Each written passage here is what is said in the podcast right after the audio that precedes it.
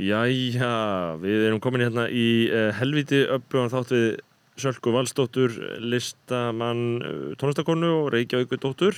Kveikt á mínum eitthvað. Já, þú ert inni Ég er í heldur. loftinu. Já. Um, uh, Episku þáttu framöndan við höfum svo sem ekkert mikið um það að segja Nei, það- áður en við vindum en- okkur í að Engu við það að bæta, banna að vera með löng intro, sko. já, nefna bara að við erum kerðir áfram á Patreon, Einmitt. getið haldið þessu gangandi ef þið viljið fleiri þætti, komið áskrift Patreon.com skástrík skoðana bara Herru, Jackie líka á okkur á Instagram ég finnst svolítið pyrrandi hvað erum við með fáa followers þar Já, spætlega eitthvað þangað. Uh, Patreon.com skástrík skoðana bara það eru þrjár árskiptaleðir, 5 dólarar, 10 dólarar eða 30 dólarar, engi peningur ókipis, fullt af þáttum. Við ættum kannski að reyna að vera, byrja að vera með eitthvað exclusive content á Instagram, þú veist, það sem að maður gerir eitthvað eða setur eitthvað einhvern tímann Já, ég meina þú bara fylgjast með þættinum á Instagram. Já, en við getum líka verið með svona uh, getum látið einhverja Kings taka í story sem var gert að gamla Já, það væri endur alveg gaman, mér myndi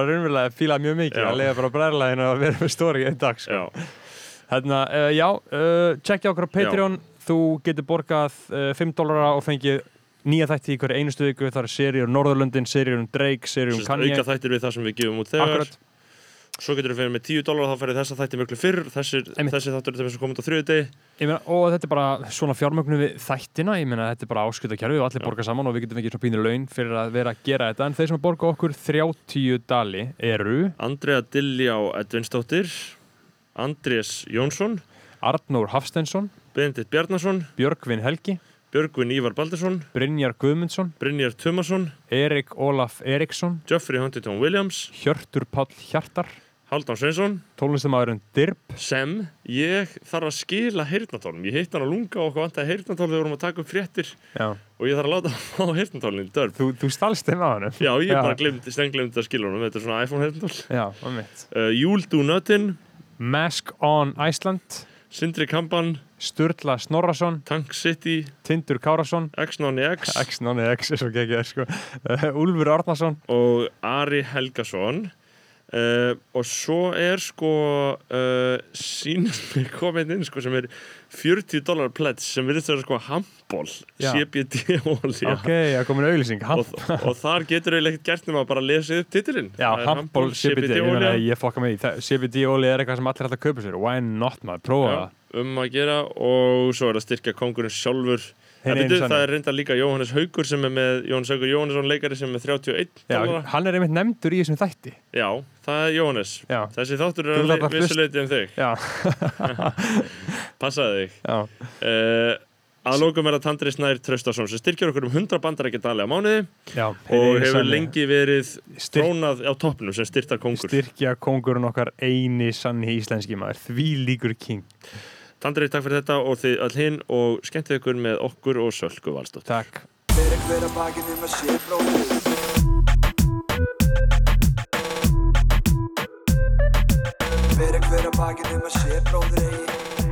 Ég byrjar að taka upp, við erum hérna sest niður klukkan 2 á þriðu degi Er það ekki? Jú, við höfum að tala um það, mér finnst allir vera svo uh, allir svo geði ekki ráði Já, í borginni. rosa tens Já. Vel, Velkomin Er það Salka Velkomin Salka Takk hella fyrir, jú, hérna, geði ekki ráði í borginni, bara Já. eftir COVID, Já. eftir að, það hérna, er bara eitthvað í gangi, sko já, það er búið að vera algjör svona manísk orka. Já. Já, en líka bara í dag, sko einhvern veginn, þú veist, þegar svona Já, ok. fréttir byrja aftur líka, þú veist, af því að það sé eitthvað að gerast í þessu COVID-dóti Mhm. Já, og samt er allir bólusettir og maður kemur eitthvað svona uppreisn í mann, sko. Uh, Það er bara svona upp, já, þetta er skrítin, einhver svona um, samrunni uppgjafar og ma- einhvers konar svona Mhm. útrásar. Já, Já, Mjög Og- erfið, eldskýrt. já, já. og tilraun til þess að gera uppreisn og vera á móti, skilur, en þú veist, þú getur máttinn mjög lítils. getur það ekki. Þú getur ekkert gert. Mér finnst það alveg mjög fyndið. Þegar einhver er með smá uppreist þá er hann strax leipalega sem bara pjúra nöttari Já, Skilur, mér, mér líður þessu engin þú veist, sem er í smá uppreist fái svona eða að sé rétt svo hlusta á það Nei, einmitt. Er það nokkuð? mm, Er ég nöttari að segja þetta? Um, þú veist, hvernig uppreist? Meinar þú bara svona, eða, þú veist, einhver aktivismi eða meinar þú meira bara eitthvað svona uppreist eða sinn bara eitthvað, nei, bara í COVID eða ekki Já, bara, að bara, ég, um ég var að tala um í COVID sko. bara í Já. COVID, já, já, já, já. Jú, Jú, algjörlega, það má ekkert gera, Já. sko, það er bara eitt þrjó cancelled. Já, Ég Já, Uh, sem hinu, er alveg, þetta er svolítið flókið af því að þetta Mhm. er, þú veist, það eru auðvitað margt í eftiráhyggju sem að maður er bara eitthvað, þetta var bara ekkit sniðugt Nei, eða veist, en- þetta var ekkit besta eins og, þú veist, mér finnst ótrúlega skrítið að það hafi verið, hérna, að því það var forgangsræði, þú veist, hér að bólusetja fyrst eh, gama, eða þú veist, eldri borgara Mhm. og eins og Japan og eitthvað þar var, þú veist, forgangsræði að bólusetja þá sem eru aktífastir í samfélaginu Einmitt. sem meikar, þú veist, miklu meiri sens Já. Að því að þú veist, annars erum við bara með þetta fresta í sjúklega mikið að geta komið aftur hagkjörinu að einhverju leiti í gang og þú veist bara að fólk geti haldið störfunum, þú veist, bara rekstri gangandi og eitthvað. Já, og líka sko, þú veist, það var verið að bólusetja 100 ára gamalt fólk, sko, sem síðan bara dó, sko, Já. að úr Já, elli, sko. nákvæmlega, og líka bara, þú veist, það voru hvað fleiri í fyrra sem dói úr, þú veist, sjálfsvíi heldur en úr COVID, skiljur, og þá ertu bara eitthvað, það er verið að forgangsra basically eldri borgurum yfir þarfir ungs fólks, eða og líf Sko, ungs fólks. Já, ég held líka bottom line að einhver leiti hljóta að vera eftir á það, því að ég veit að við munum hu- hu- hugsa um þessa tíma eftir nokkur ár og munum hugsa, ok, hérna var, voru við eitthvað sækó á því, bara með ímislegt sem við Já. gerum, skilur, við vorum eitthvað, við brúðumst mjög skringilega við þessu öllu, skilur, en það kannski bara er, það er ekkert hægt að sjá það meðan þú ert inn í skóinum, skilur, en ég held að uh, grunnlínan hljóta að vera svo að búmerarnir höfðu það best búmerarnir voru þeir sem voru bara feskir, svona 60 ára fólk.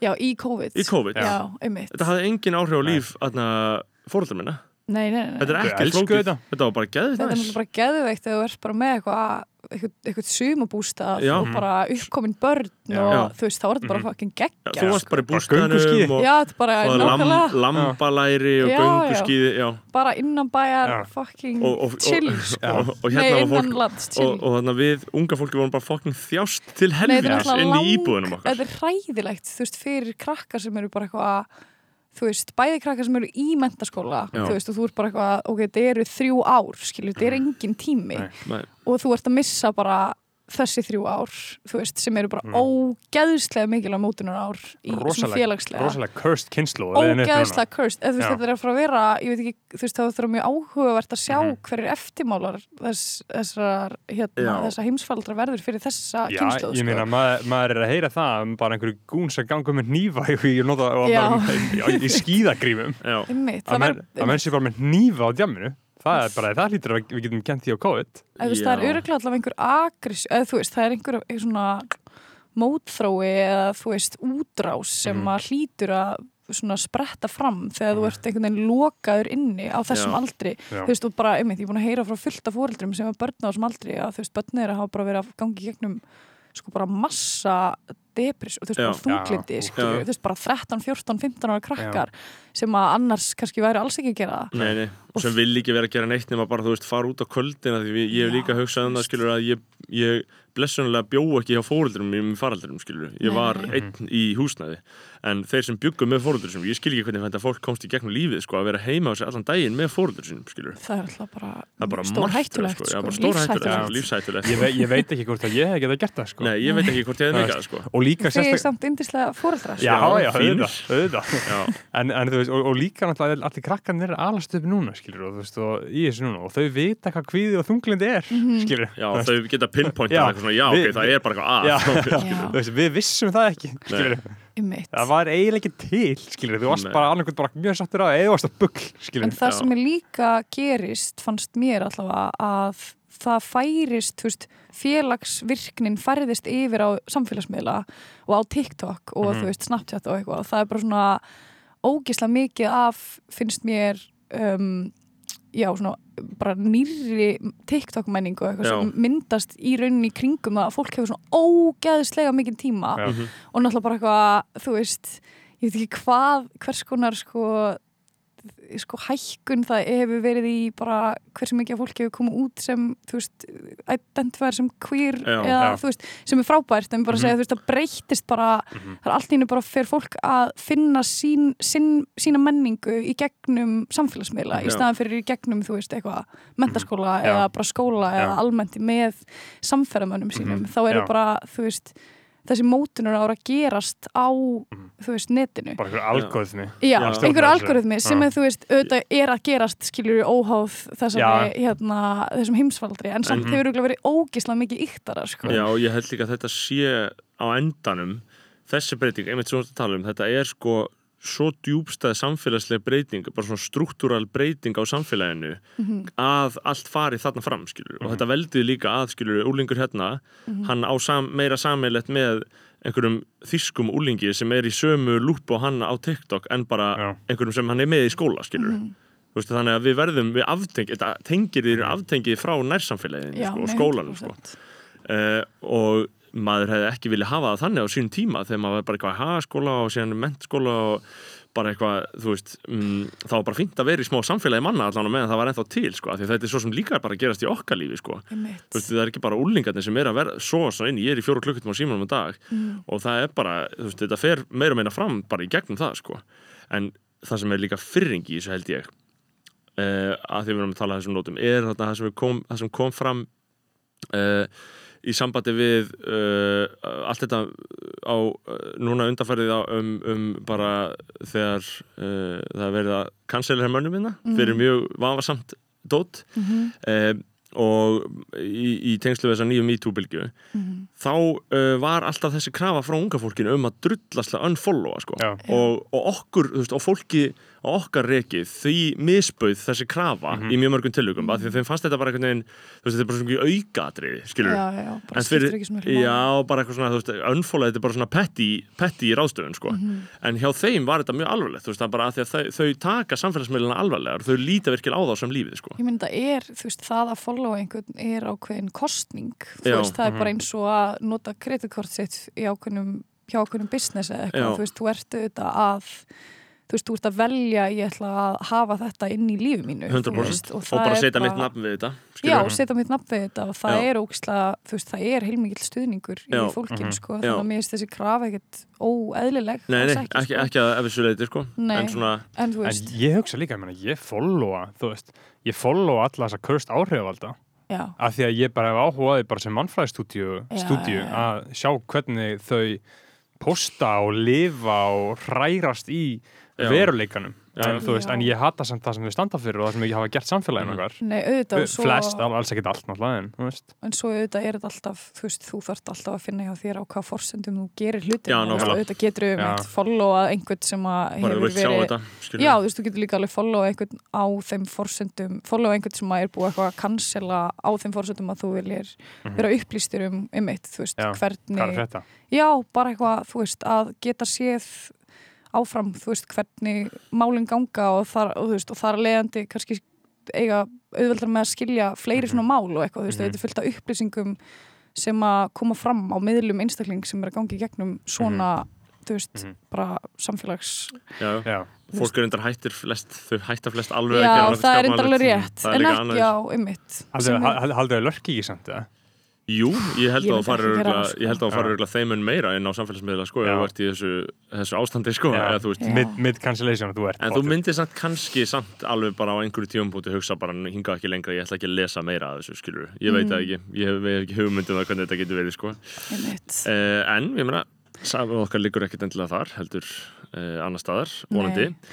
Um, Það er nýtt svona mál núna sem við all, allir er að tala um líka sko, sem er Gilvi sig sko, sem er alveg crazy shit sko. Já, ég er sko bara búin að sjá fyrirsögn og Já. ekki búin að lesa neitt um þetta en eitthvað, Í grunninn það sem við vitum núna Já. er að hann mun á einhverju tíumbúti hafa verið handtekinn á lauruglu vegna grunns um brot gegn barni gegn Já. barni og 15 ára stelpu? Já, sko, og það eru samt upplýsingar sem hafa ekki komið fram Nú, okay. ok, með Ok. formlegum hætti, heldur Ok, ok. er það í ræsinu, sko, ræsið er að segja Já. ímislegt og það er að Já. senda manni alls konar skjáskot, það er alls konar umferð, sko, en staðfyrstu upplýsingar eru þetta, hann Það, var það, mbl.is og vísir Já. og rúf Við við vitum að hann var handtekinn Já. vegna grunns um Já. þetta. Eh, Já. og, Það sem að mér finnst svolítið sko uh, við þetta uh, áhugavert að hugsa um er að því að maður er svo algjörlega aftengdur þessu, Gilvi Mhm. sig ég hugsa bara boring Gilvi sig aðna, bara eitthvað fótboltamaður sem maður hefur aldrei Já. sagt neitt mega, mega boring fígúra, ekki sko. skemmtilegu karakter Mm. að því maður, hann, hann hefur ekki þú veist, ég hef aldrei einhvern veginn hugsað um hann en Já. fyrir fótboltafólk, eins og ég var að tala við vinn minn á hann hann bara segja, þetta er bara áfall Mm. Þetta er bara gríðarlegt áfall fyrir okkur þetta er gaurinn allt velgengni Íslands á EM og HM, það er vist bara hann já, segja þið, þú veist, að þetta er bara besti íslenski fótboltamaður ever, Mhm. fyrir utan eða smára. Og það er allir bara í áfalli yfir þessu sem að við getum ekkit endilega Nei, ég er ekki að tengja við það, sko, ég, Nei, ég þetta ég sem tengi bara, bara ekki að veist. Ég horf bara á þetta svona fjarlag og ég hugsa alltaf bara hm, ok, þessi er að segja þetta, þetta, Já. eitthvað svona, þú veist, ég, ég upplifi engar raunverulega tilfinningar. Nei, nei, en hann var að segja bara að þetta, þetta, þetta, okkur finnst bara ógeðslegt að heyra svona. Já, eða þú veist, Ég- ógeðslegt að hann hafi gert þetta skilur, ekkit endilega að segja að þeir sem eru einmitt. en þú veist bara að þetta sé að já, eiga já, stað manni breiði bara. Ég vildi að manni var ennþá að bræða við Já. svona frettir sko. Já. Ég Já. bræði náttúrulega ekki neitt en Nei, þú veist, maður er bara eitthvað, já, Já. ok Já. Já, hessi ekki það En, Já. ég einlega tengi við það, ég er alltaf, þú veist, það, að, þú veist, á sama tíma, þú veist, ok, jú, þetta kemur á óvart að þetta sé að koma fram, bara, þú veist, þetta er alltaf eitt svona frétt sem kemur manni Já. mjög mikið óvart, en á sama tíma er maður eitthvað svona, þú veist, já, þú veist, auðvitað, eða eitthvað, ég veit ekki, einhver leiti, um, en uh, þetta er náttúrulega líka, þetta er bara búið að vera alltaf öðruvísi uh, í íþróttarhefingunni, skilju, það, það hefur fa- það hefur ekkit oltið svona stað innan Nei. íslenskar íþróttarhefingar en eitt og sögurnar séu rosa margar, sko Mhm. þannig að ég held að þar eigi MeToo-hreyfingin ansið mikið inni öruglega sko. 100% Eh, það var ekki svo mikið í síðustu bylgi það hefur aldrei gæst neitt sko. Nei, þetta hefur alltaf bara alveg leiðið í láginu sko. Uh, og það, ef að það færi á stað þá veit ég ekki hvar það myndi enda sko. pæli í því hvað er mikið að sjötti með, með að við hvað er, já. bara tónlist og kvikunda og leiklist og öll þessu hvað það eru hugsa um þá sem karlæga bransa skilur, Mm. en ímynd Já. ykkur karlægnina þarna, skilur, þannig að með við hvað, 100% með við hvað er mikið í gangi í þessum hinnum bransum, hvað er örgulega djúblega mikið af bara shiti þarna echo chamberið Já, þú veist, það er svo rosalega lítið Mm. af hérna sen, eða, ég ger ráð fyrir að það sé Mhm. frekar lítið af fjölbreyttum röddum eða þú veist, einhverjum konar veist, einhverjum speklum kannski einhverja konur sem vinna á vellinu með já, eða, þú veist, varla það sko, Já. veist, Já. þannig að maður er bara eitthvað það er væntanlega þrýfst innan Mhm. menningar sem er svoleiðis, þú veist, Já. þá er úkslega auðvelt að missa einhverja viðsýni sko, Mhm. Og, En- og svona forvitni. en hvernig hefur, hefur þetta blasa við þér bara undanfarni MeToo-bylgja þú veist, bara núna bara það sem er búið að vera að gerast núna. Mm, hvernig hefur þitt uh, perspektíf verið á þetta? Sko, þú veist, mér finnst þetta alltaf mjög erfitt bara, eða þú Mhm. veist, mér finnst þetta ókslega, mér finnst gett erfitt að lesa frásagnir og ég eiginlega bara kýs oftast að gera ekki. Mhm. af því að, þú veist, mér finnst það bara uh, já, við teka gæðið mikið inn á mig og hérna, ég hef eiginlega aldrei upplegað jafn mikið og núna mitt, þú veist, það, ég var eiginlega upplegað í fyrsta skipti núna, ég var svona þú veist, sjálf var að triggerast svona líkamlega, þú veist, bara Mm. fá eitthvað einhver skjálta og bara þurfa að fara í vinnunni, þú veist, inn á klósett og gráta og eitthvað Mhm, svoleiðis sem er náttúrulega bara geðveikt erfitt að að þetta er svo, þú veist, þú hefur lítið stjórn á þessu, þá bara allt í einu taugakerfið þitt bara eitthvað, já, einmitt, ok. Trygg, hérna, triggerðin eru mjög víða núna það er hvergi hægt að lesa það, sjá Nei. neitt annars að triggerast í döðlur bara Einmitt, þú veist, sem er út, ótrúlega erfitt en þú veist, ég er ekki að segja að hérna, um, ég er alveg ég er samt alveg þú veist, stend með því að fólk tjái sig þetta, þú veist, þó að það sé erfitt að fylgjast með því, Mhm. en svo finnst mér, þú veist, það sem mér finnst almennt erfitt við þetta er kannski bara mér finnst sko Twitter rosalega slæmur miðl fyrir þetta, þú veist, að því mér fannst Facebook með eitthvað meiri sens að þar getur verið með, þú veist, langar frásagnir og þú veist, það er bara svona aðeins víðara rými til að tjá sig um tráma sitt, þú veist, það tjá sig um bara mest traumatizing viðbyrð lífstíðins í hvað hva er það, 180 já, stafabil? 280, já. 280 stafabil, þú Mhm. veist, það er bara rosalega hérna, erfið krafa, finnst Já, mér og býr til í rauninni rosalega svona já, svolítið svona þunna um, frásagnamenningu inn í þessu og Mhm. þú veist, og, og mér finnst það já, bara gera mikið af baráttunni kannski aðeins, það er erfiðara að gera hana einhvern veginn dýpri og, og svona meira já, kannski bara flóknari, þetta er náttúrulega svo sjúklega flókið. Já, já, en það sem að ég hef samt tekið eftir í þessari bylgju er að mér finnst vera meira sko, mér finnst vera minni skrimslavæðing mér finnst vera og, og svona almennt manneskjur opnari fyrir því að eiga í samtali og að þetta Mhm. sé, þú veist, ekki útskúfun heldur samtal, þú veist, og bara ógisla erfið samtöl. Og þetta er svona, þetta er confrontational, þetta er ekki árás heldur er þetta þú veist, fólk að mætast þú veist, alls ekki al, alfarið en þú veist, hefur verið ábyrjandi Mhm. meira þannig fyrst mér í þessari bylgju heldur en síðustu Þau fara að halla sér í þá átt að geta mögulega orðið einhvern veginn þannig að fólk geti þá einmitt sko að því að, að því að ég hef líka verið þeirra skoðunar sjálfur að, að til þess að við vinnum raunverulegan bug á þessu þá þurfum við skrimslavæðingin, þú veist, ekki að einhvern veginn kannski hætta á hún er skiljanlega bara í rosalega mörgum tilökum að þessu Mhm. sömur eru skrimsli sko. en, en svona í hennum almenna skilningi að, að það verði að dempast til þess að fólk fari virkilega að horfast í augu gjörður sínar. Algjörlega og líka bara þú veist þegar við byrjum að tala um þetta þá þurfum við að tala um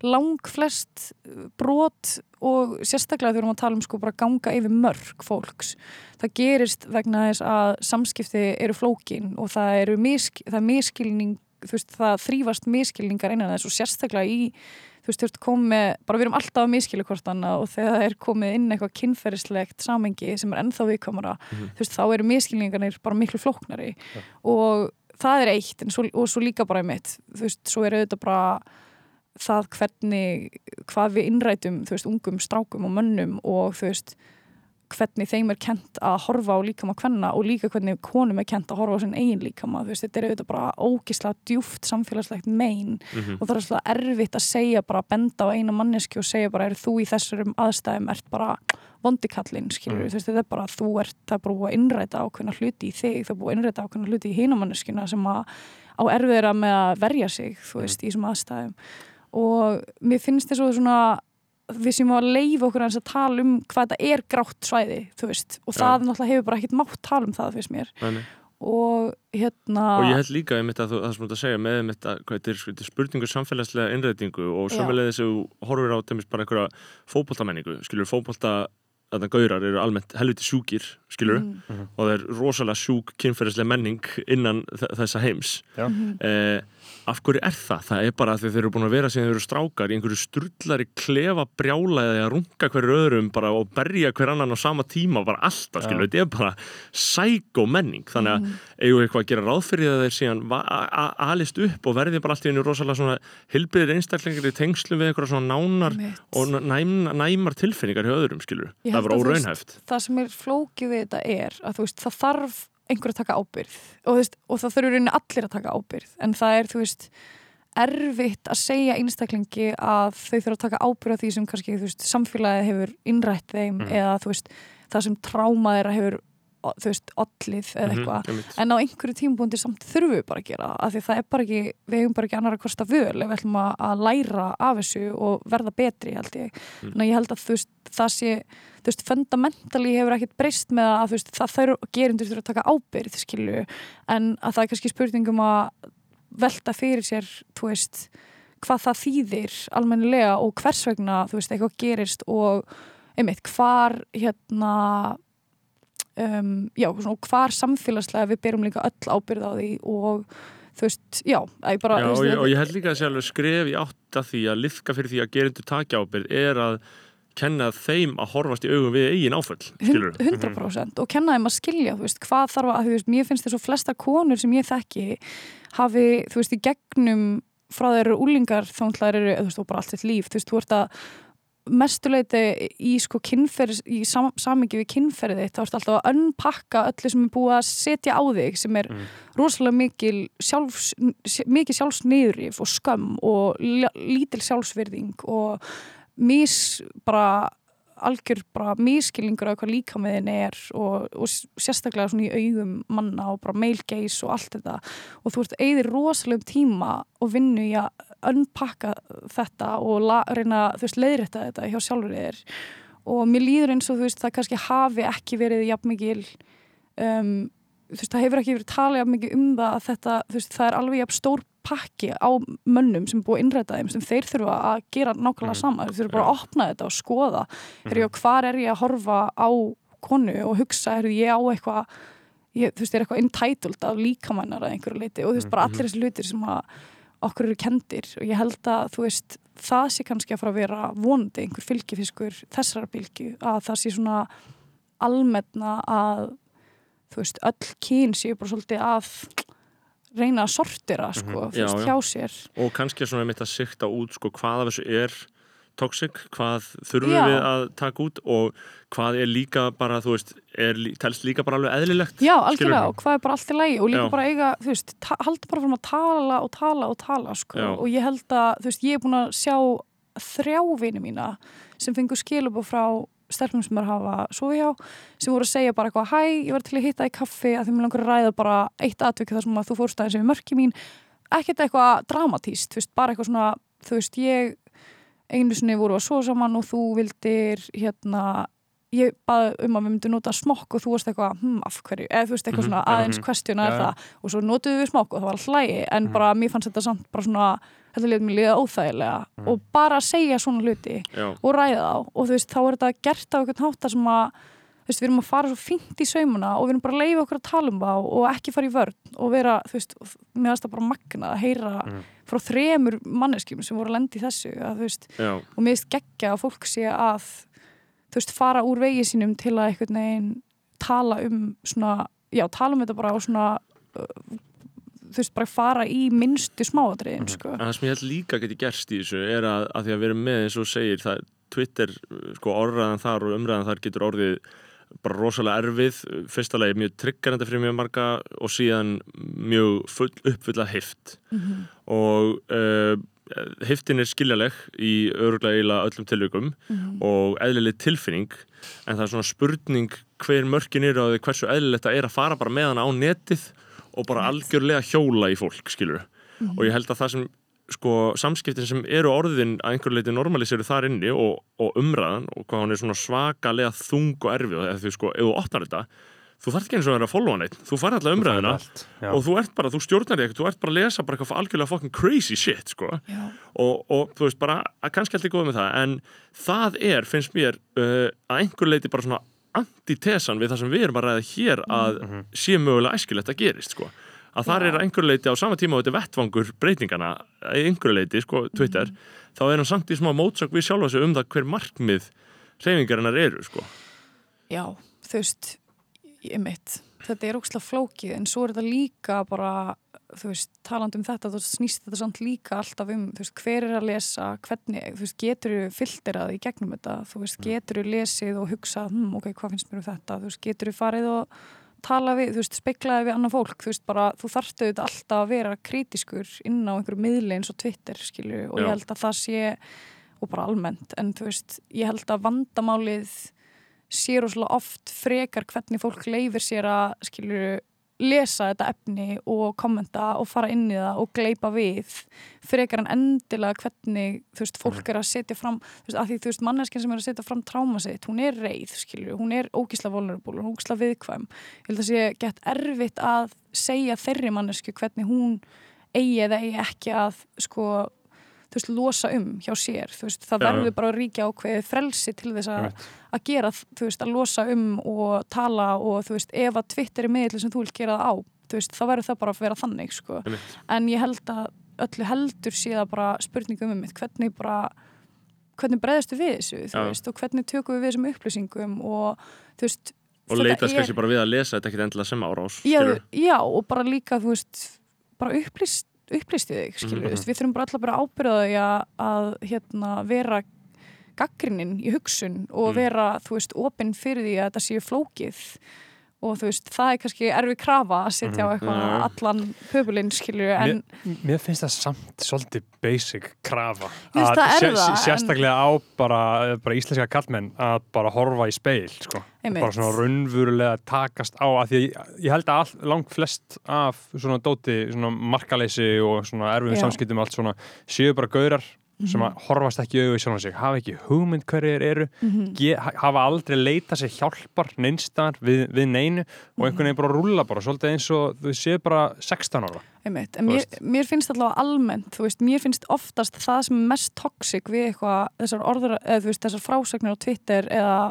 hvað sem er, ekki vera sá sem er að segja frá, heldur viðbröðin við því, veist, heldur kommentin, heldur skilur retweetin, bara hvernig fólk leifir hlutunum að vera svona absolít, þú veist, að Mhm. að leita sér ekki neittnar, þú veist, að bara að reyna ekki að skoða hlutina frá fleiri sjónarhóttnum eða það verður allt bara rosa mikill múæsingur og fólk er með trættum að vera kansilað og allt þetta Já. og það er miklu frekar vandamála heldur en held ég, þú veist, ég held þessu miklu hættulegra að fara að setja einhver mörg um það hvernig fólk sem er að segja frá sínu tráma megi eða megi ekki gera það, sko. Já, já.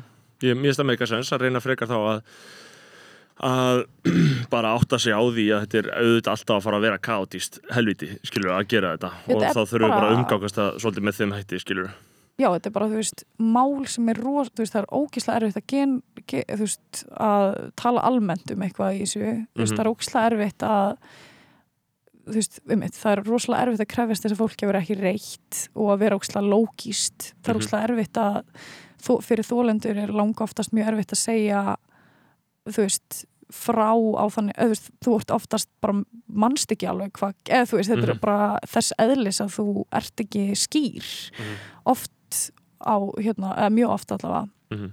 þannig að þú veist, þetta er bara þetta er alltaf að fara að vera kátíst sko. þetta er alltaf að fara að vera flókið og ég held að einmitt, það sé bara mikilvægast allir svolítið svona andi inn og aðeins bara um, si- bara, þú veist, hugsaði bara um sjálfa en ha- haldið að við séum að eins og einhver sagði sko að hækka siðferðis þröskuldin í samfélaginu. Haldið að við séum að verða síðara þjóðfélag þú veist, er, mm. erum við að fara veist, erum við að fara í átt að framförum eða ekki skilur, ég bara, ég get ekki svarað því sko. Nei, þú veist mér líður eins og þú veist topparnir og bottarnir séu bara miklu yktari mm. þú veist, þannig upplýði ég það Mhm. eins og þú veist að sé ákveðinir hópar þú veist, sem eru kannski bara eitthvað of þú veist, það er sumt fólk er of meðvitað og of, þú veist, einhvern veginn reynir að projekta því of mikið á annað fólk í kringum sig og er ekki að taka ábyrg, bara að taka ábyrg á sjálfum sér einhvern veginn öllum samtímis Mhm. og það er auðvitað ekki gott svona krafan, svona einhver Um, allsæra krafa um flekkleysi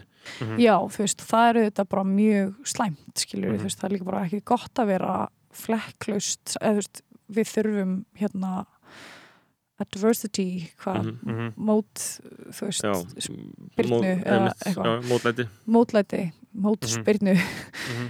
um, hérna, mótlæti til að bara, þú veist, bara nenna að lífa, sko, eða þú veist, Já. bara til að sé eitthvað fyrir okkur að læra og Já. gera en Mhm. þú veist, ég held að það sé klála hérna, en þú veist mér finnst í kjölfar þess að eitt fólk sé kannski að gera einhverja herri kröfu um að fólk sé svona meðvitað um bara hvernig það kemur fram almennt við annað fólk þú veist, þá kemur, þá eru þetta fólk sem upplifur að það sé vera frelsis skerða það og það Mhm. fer í rauninni í einhvers konar, uh, þú veist, aktivisma í hináttina, sko um, Já, akkurat að Mér, það, já, mér finnst svolítið munur á því verið sko að gera kröfu um að uh, fólk má ekki hugsa og tala um eitthvað en að Mm. fólk má ekki gera eitthvað. Mér finnst allt í lagi að hafa kröfu á einhvern veginn að maður ekki gera eitthvað. Já, já, En mér finnst svolítið munur á því að gera eitthvað, skilur, þú veist, bara svíverða einhvern eða svona, bara í personu, Mhm. en að hugsa um eitthvað eða tala um eitthvað, svona velta einhverju smá fyrir sér. Það er Mhm. bara frekar basic, sko. nei, og ég held að það sé bara skrefið í rétta átt að vera einmitt að Mhm, velta þessu fyrir sér, hægt og rólega, sko. En það er greinlega ekki alveg sama hvernig maður segir það sko. Við lendum bara sjálfur í því að vera eitthvað að segja þetta og það er svona fólk var eitthvað mjög mjög ósátt, eðlilega skilur en, en það var svona mér, ég, ég, það var helviti pyrrandi að þurfa allt í hennu svona að fatta að maður bæri einhver ábyrð í Já. því samhengi, það var alveg það sem var pyrrandi við það skilur, Mhm.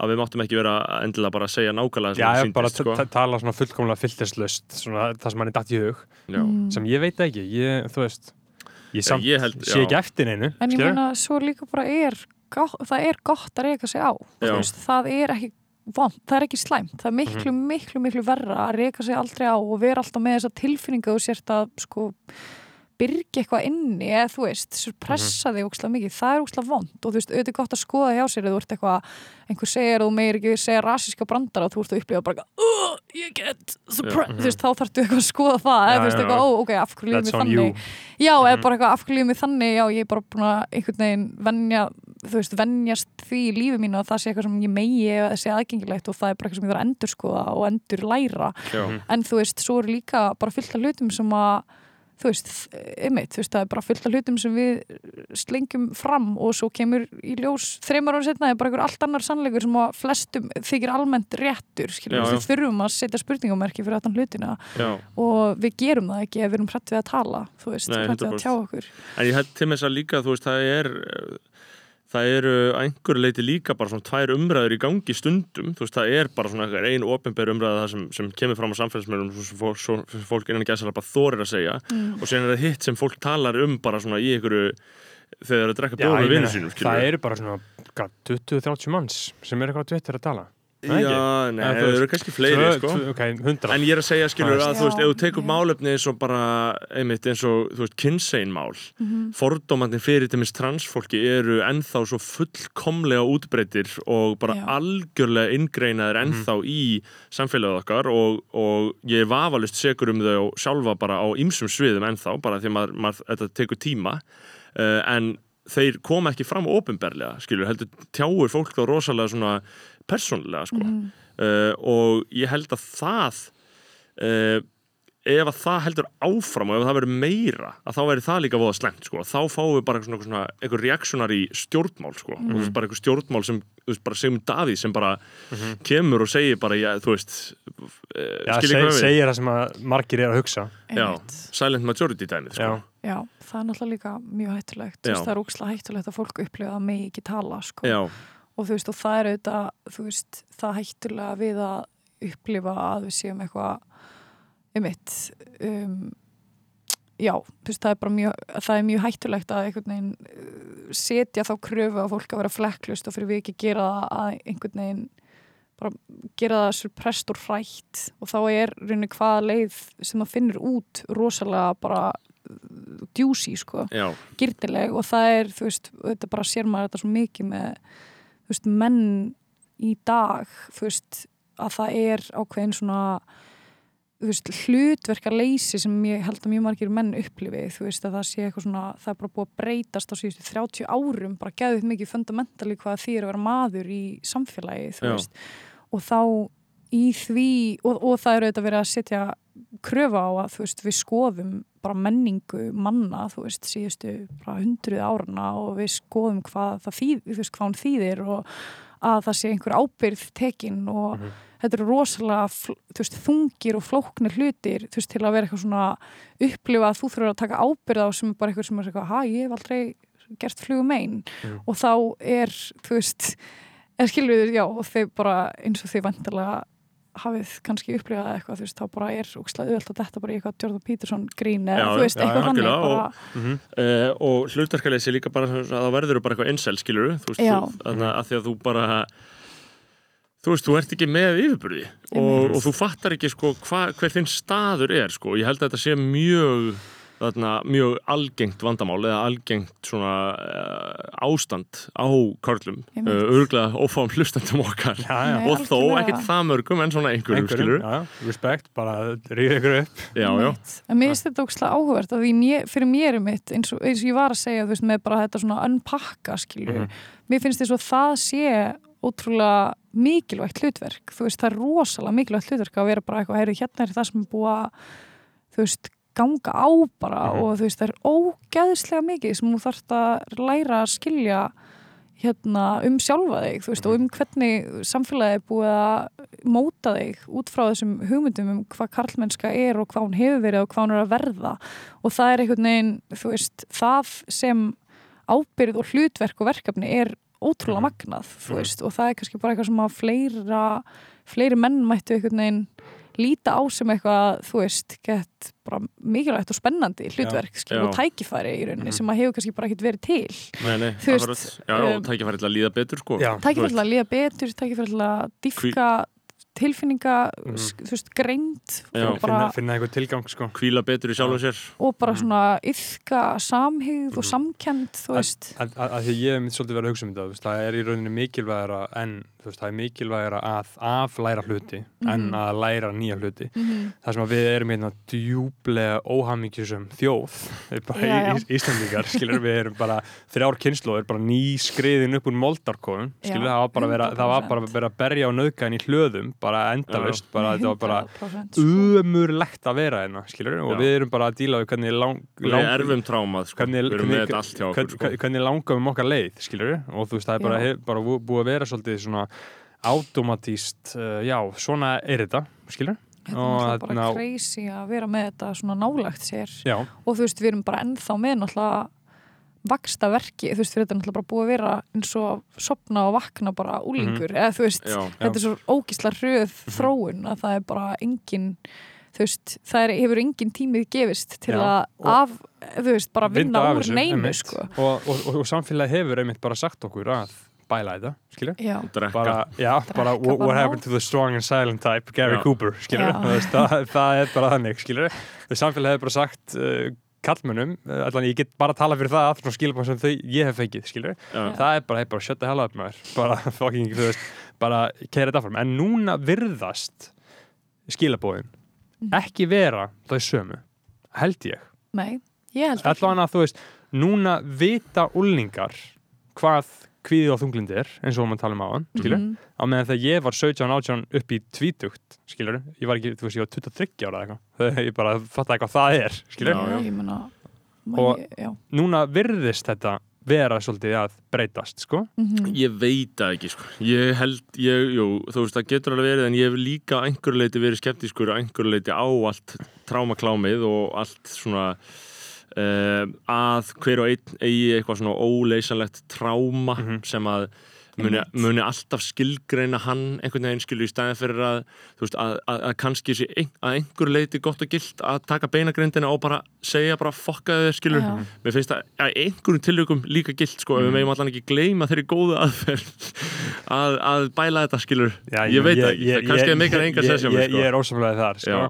Þú veist, ég held að, að því að líka það sem að þú lærir uh, eins og við talum áhansnórið þú veist, það sem að mikilvægt sem að lærir með því að horfast í auðvið sjálfa þig og fara í þerapíu hvað sem þú vilt fokkin gera ég mæli mig ekki að það, þú veist, það er ekki að fara að skila þinn einu og vera bara eitthvað einn í gymminu skilur, þú veist, Mm. þú þarfst að tala við fólk uh, það sem þú lærir mest sem mér finnst best, besti lærdómurinn þaðan er að þú veist, þú er bara þú og þú getur bara Mm. stjórnað þér, ég, nei, ég þú, að þú, veist þú getur ekkert gert í neinum öðrum og allir eru bara að gera allt út frá því hvernig þeim líður.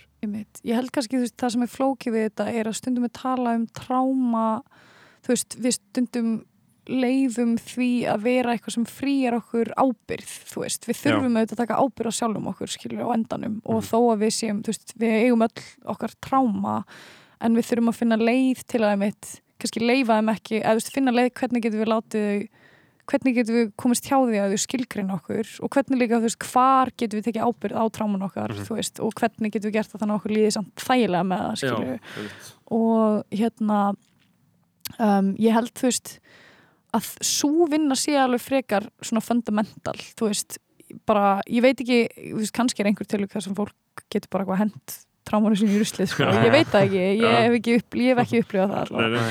En þú veist, allavega fyrir mig hefur svona svo vinna sem ég hef kannski mest gert með eitthvað, með eitthvað þú veist, eitthvað svona key traumas Mhm. í lífi mínu hefur verið að um eitt, finna svolítið bara svona ok, hér get ég skili hvernig ég brást við og hvað, hérna, og hér get ég stjórnað þessu, tekið ábyrða þessu og það hefur á endanum styrt mig geðveikt mikið og svona verið mjög empowering í lífi mínu Já. og þá er ég að taka eitthvað sem að hefur hérna, ég kannski þú veist, er í eðlisinu mjög erfitt fyrir mig að taka ábyrð á af því að það, ég, þetta er eitthvað sem einhver annar allir mér, þú Mhm. veist en ég er að finna leið til að uh, sko, bara slíta það svolítið í sundur og finna hvar ég get tekið ábyrð, hvar ég get styrt mig með því og það, veist, það að finna að einhver svona mjög erfiður viðbyrður í lífinu getur styrt þig er ótrúlega empowering og hjálpar þér og hjálpar þér að líka bara hjálpa öðrum og hjálpar þér að vera með þú veist, og það er ótrúlegt að,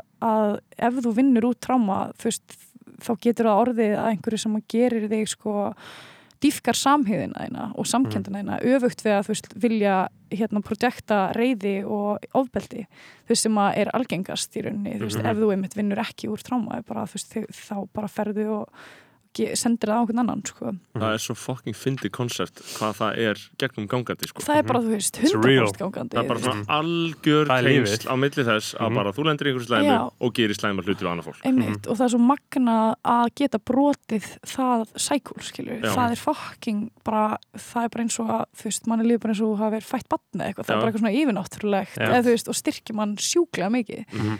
og hérna, þú veist, ég held að því leitinu sé kannski bara allavega ekki droslega hjálplegt að hugsa um að vera eitthvað, "Mm, kannski get ég bara setja það eitthvað fyrir aftan mig eða þú veist, Mhm. að ég held að þá sé svo líklegt að ef það koma út þá mun það koma út sem einhvers konar þú veist, þú að ég get ekki verið að, þú, þú veist, að þú getur bara verið reyður skamma sko sjálfa ekki slengi þá þú bara verður að setja út sko. Mhm. Já, það er það, er bara, það fyllist bara þú veist, og þá ferðu út með það og ég held að þú veist, já, það er alveg rétt sko, ég er Já. alveg sammála því Einmitt.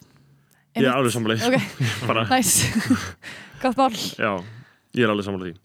Já, ég, skoðanir uh, skoðanarbæður Jeez. Um, Hvað var þetta, klukkutími eða eitthvað bara? Nei, við, við erum búin, við erum búin að vera inn í fjör, 40 myndum í 40 myndur í trámanu og me too. Man ekki eh, svona hvort ég hafi kynnt mig sko, Nei, við, skipti við ekki orðum í það, það Nei, er- Nei, nei, En við- við það nefndum það í sko, þarna, uh, On to lighter things þarna, Já. Þið voru á lunga Já, og hérna, Já. núna um helgina hvernig, Sannlega. Við vorum í COVID-bælinu sko Ég meina, Mm. Salka, hefur þú, hefur þú farið oft Á áður? Sko ég hef farið þrísvar, ég hef spilað þrísvar Mhm. þannig að þetta, er fyrst, þetta var fyrsta lunga sem ég fór á þar sem ég bara eitthvað svona keifti mig miða og fór Mhm. og gisti á tjaldsvæðinu af því að ég, mm. ég hugsaði bara þegar í rauninni þetta var, þegar lunga var tilkynnt þá var ég bara ok, ég ætla þú veist að vera bara búin að ákveða að gera eitthvað í sumar sko, Mhm. af því ég var ekki búin að plana að fara mitt út eða eitthvað Mhm. um, út af blessuðum COVID um, Já, þannig að þetta var mjög svona, það var nýtt fyrir mér að fara á lunga og vera bara eitthvað sem civilian bara sem civilian, Mhm. fara eitthvað engin, ekkert baksviðis, Mhm. engin frýr bjór, ekkert Mhm. hótel, en Mhm. mér varst það sko, en já, það sem var næs við það var, ég fór sko bara með einni mannesku og þú veist, ég var ekki í neinu svona sósjál, þú veist, oftast er þetta eitthvað svona, ég hef oftast farið um með hljómsveitunum mínum, sérstaklega Reykjavík sem er alltaf bara miljón manns og þá er þetta alltaf eitthvað Megahópur. Já, þú ert alltaf eitthvað að leita af einhverjum og einhver Mhm. týnist og þú ert eitthvað með ofsætin að hitta þennan og blati bla það var svo næs að vera bara tvö og þú veist, ég var aldrei með samvinskupið við neinum og við endum basically á því vera bara hún er svona megnið af hátíðinni bara eitthvað, fórum út að borða, fórum inn í tjald og lögðum okkur, fórum eitthvað, Mhm. fengum okkur einn bjór, fórum aftur, fórum að sofa eitthvað, Þetta er þetta gett næst að því leiti að maður getur eiginlega tekið þetta bara sem útilegu aðalega já, en líka massíft jam í gangi ef þú vilt það já, Skilur. það var þú veist, það var þannig, ég Já. var bara svona mér varst gett þægilegt að vita af því að það væri eitthvað í gangi, en ég endanum basically, þú veist, ég djammaði eiginlega ekki sko, Nei. ég þú veist, þannig að En va- álaugatasköldinni fór á tónleikana og, Vaknaðir í tjaldinu á sunnudeginu með já, þannig að ég það Já, sko, það var allt í lægi hjá tjaldið okkar var bara, þú veist, ég veit ekki, þetta er bara eitthvað svona þau voru bara einhver lúphóli já, ég veit ekki, þú veist, það var alltaf ekki hræðilegt og svo opnaði það bara, það var bara fínt sko. Þetta var sko um, á aðfaranótt laugardags þetta var 15. og 1. laugardag sem ég var þarna aðfaranótt laugardags, það var ógeðslega kallt það var eiginlega bara svona stormur á tjaldinu yfir nóttina og þannig ég var bara krókna á kulda og ég var bara í sveppbókanum mínum og bara í einhverjum stuttböksum í sveppbókanum og bara skítkallt alla nóttina og bara var hrættur um að tjaldið myndi fjúkisundur Mhm. það var sérst aðfaranótt laugardags og að fenginu þeirri reynslu þá fór ég að sofa á laugardaginn í föðurlandi og stuttböksum yfir og bara massa velklættur í sveppbókanum eftir gott fyllir í það eftir gott fyllir í sko. Já, já. og þú veist, vaknaði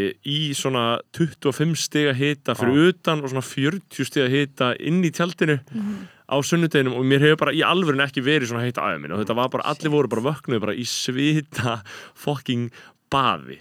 Og ég svona, ég svona aðna, klifraði út úr tjaldinu þú veist, á sunnudeginum og ég var bara, hvað á ég að gera við mig? Ég, þetta var svona eins og á spáni eða eitthvað, það sem þú bara ert í sól og er bara, þú verður að fara í skugga annars bara meiðir þig, sko, þetta var það mikil stól ég var bara, hvað, þú veist, ég, ég hef aldrei lent í Íslandi áður, bara hvað er að gerast Ger hérna? ég. Hvað ég ger ég? sko fór á hróaskjöldu 2013 Já. þegar ég var 17 og hérna ég fyrsta kvöldu mitt þá keifti ég mér 700 millilítra af rommi og var bara eitthvað að drekka það Mhm. af stút Eðlilegt. og er bara eitthvað næs, geggjað, þú veist hérna, og fannst ég bara vera gett nett og eitthvað Mhm. Hljóma, Kláraði- hljóma vel að með maður að því, hvað? Já, já, bara gett flott gett töff með einhverja rom, rísa Mhm. romflösku bara mm þambanast út Rom er náttúrulega kongadrykkur ef út í það farið. ekki þetta rom sko, Nei. þetta var eitthvað kaftin morgan sull sko, Já. Mhm. en ég hérna og daginn eftir þá vakna ég í sko 32 steg, ég held að þetta hafa verið sko heitasta hróaskilda í sko 10 ára eitthvað, Oj, þú veist, það var ringdi ekki þessar hróaskildi, þú veist, það var Mhm. bara eða eitthvað einu sinni eða eitthvað.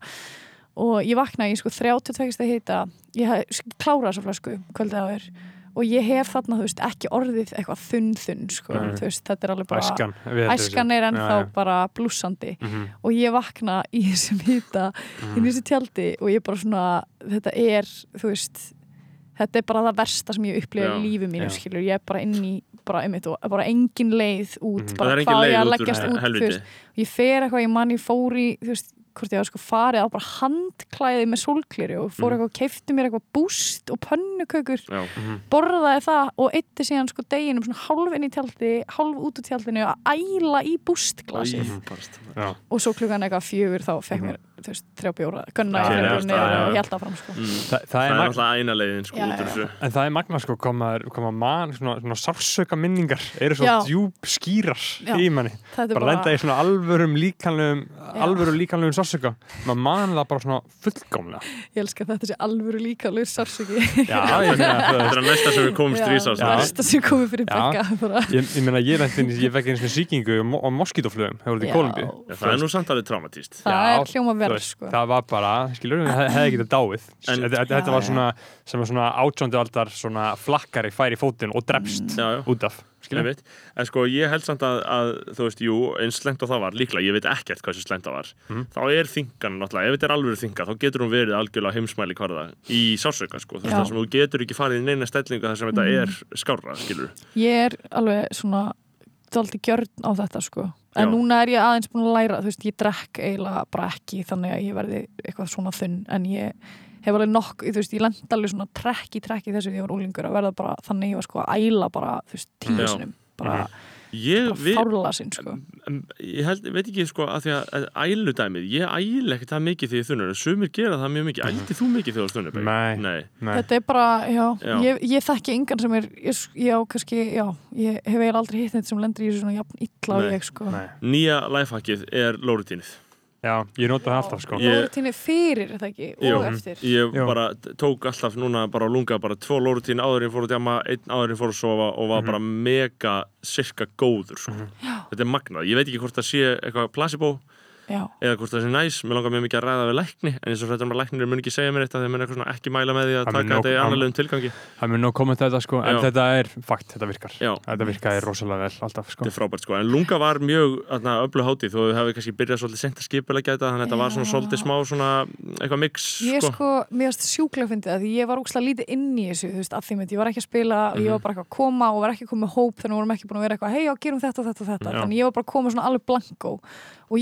með kærastar mínum sem er, veist, frá Kanada og hefur Mhm. aldrei komið, þannig að hann var bara eitthvað, ég veit ekki, þú veist, þú ert bara gætin hérna Já. Og ég var eitthvað hérna og ég var sko að reyna að vera eitthvað, já, fyrir að sjá hérna Mhm. eitthvað listasýningar Mhm. og ég bara legit fann ekki neitt Nei. sko.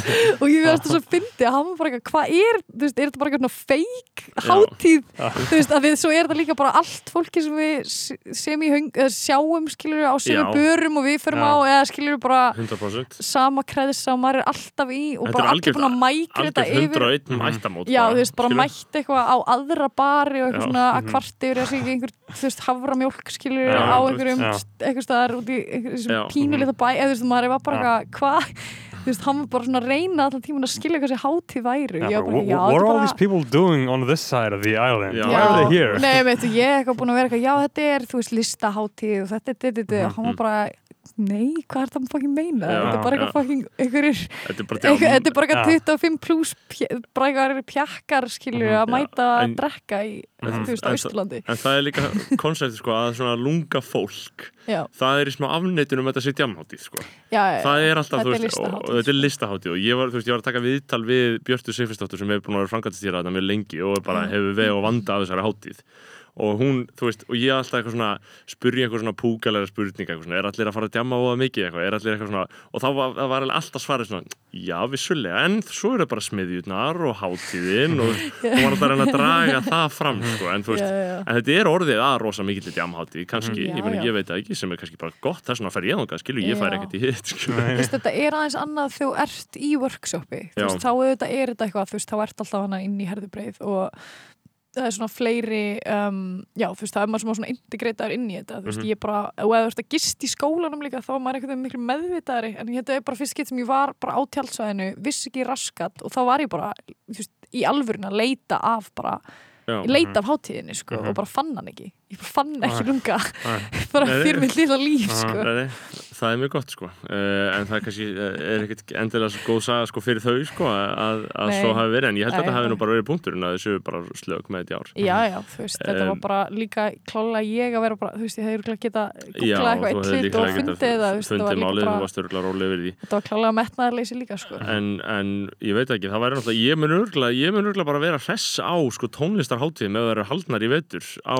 á á, Reykjavík sko ég mun örgulega bara nenna þeim í fyrsta skipti í nokkur ár, Mhm. bara ég held að verði bara vissla sko Það er bara styrlað hvað það er Mhm. gaman að fara á tónleika Já. og að spila tónleika núna. Mhm. Það er bara eitthvað svona ótrúlegt, finnst mér. Það er uppsafnað sko Já, Já, það er rosalega, ef þú veist, ég er búin að spila núna, held ég tvís, eða, byrju, uh, jú, ég er bara tvísar með Cyber, þú veist, við vorum, heldum tónleikaðan í pósthúsinu, já, Mhm. Uh, sem er náttúrulega geðveikt. Pósthúsi, hvað er það? Pósthúsið er hann póstdreifing með Já. svona reif já, já, já á einmitt. Skerjafirði. Þarna í Skerjafirði, já. akkurat. Já, þeir voru held, heldur svona styrtar tónleika fyrir hérna, þeir eru sapna fyrir hljóðkerfi Já, uh, að þeir eru bara búin að vera með svona eitthvað scrappy eitthvað Mhm. hljóðkerfi sem er svona Mhm. hérna og þaðan og það var alveg smá fyndi að velta eitthvað ángri, þú veist, teknoreifi og það bara var ekki söp, sko, maður var eitthvað, að, það er erfitt eitthvað, Mhm.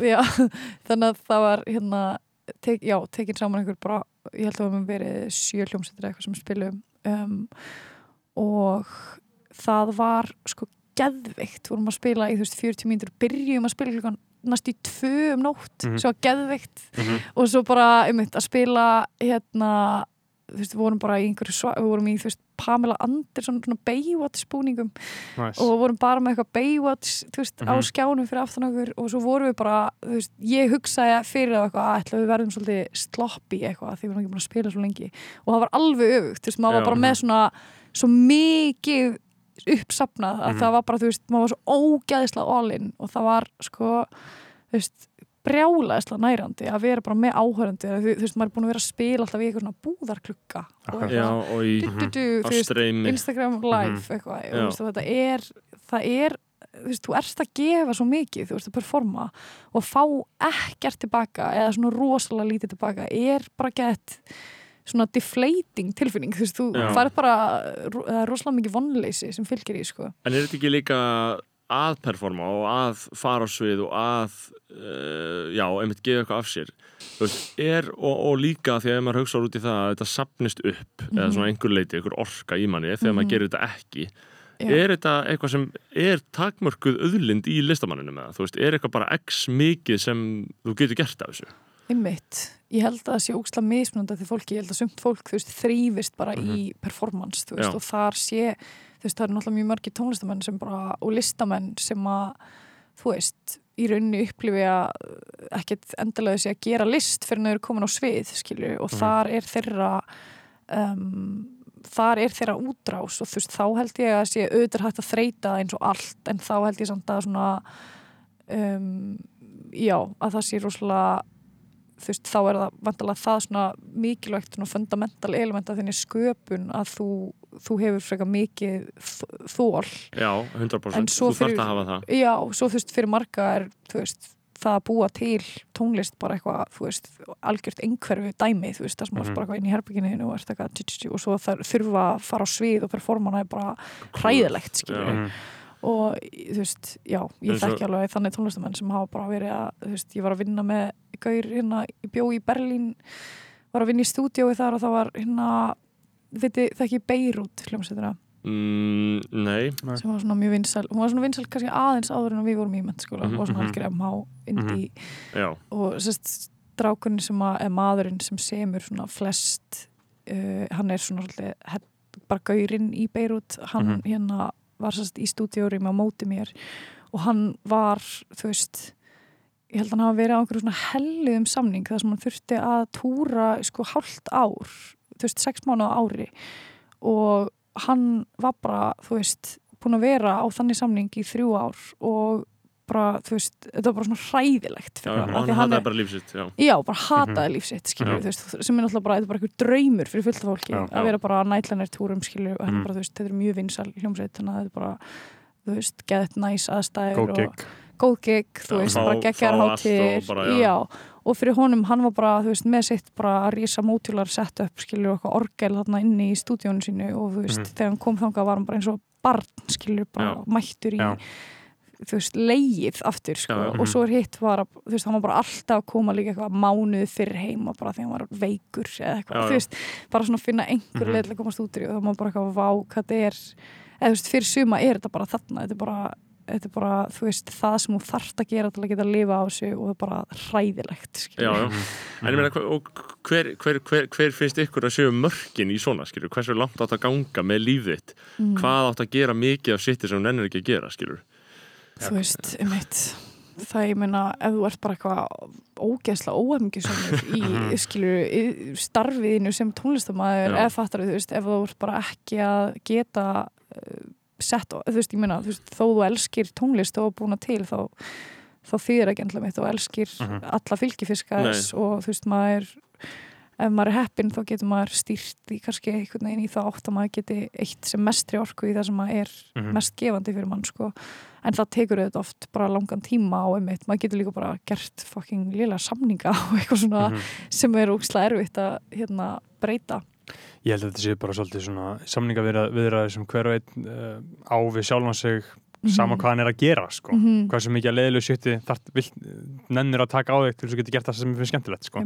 og síðan að farið ómikið að þið skemmtilegt þá kemur alltaf eitthvað leiðilegt með því held ég sko. Þetta er bara eitthvað svona balans sem að ég held að allt fullorðið fólk uh, En ég hugsa líka svona með að gefa af sér til þess að þú ert leikari og þú þarft bara að fucking mæta Já. þó þú Mhm. sért bara í einhverju persónlu þrótt, einmitt skilur er og þú ótrúlegt, bara að vera sko. aðal hlutverk á sviðinu í tvo klukkutíma Já. og bara gefa allt sem þú átt Já. í það af því að það bara verður að gerast, skilur það er ógeðislega erfitt sko. Veist að bara leikarar þurfa mjög oft bara nýbúin að missa fóreldri að Mhm. mæta Já. sko. og það er bara já, eða þú veist þá maður bara eitthvað, er þetta þess virði Já, skilur, já. að einhver En ég held samt fucking- líka, þú veist, gerist ekki líka bara eitthvað yfir náttúrulegt, það sem þú kemur bara og allt í henni bara, þú veist, skiptir ekkert neinu máli lengur, þú veist, maður hefur alveg, ég var lendið að við erum að taka upp bara, þú veist, viðtalið það skilur og maður er bara ekki alveg þar, já. en maður þarf bara að, þú veist, setjast niður, kveikja rekk, þetta er bara Góða Adrenalín, sko. drauða óksla bara, þú veist, þarna kemur alltaf bara inn, þú veist, um hvað er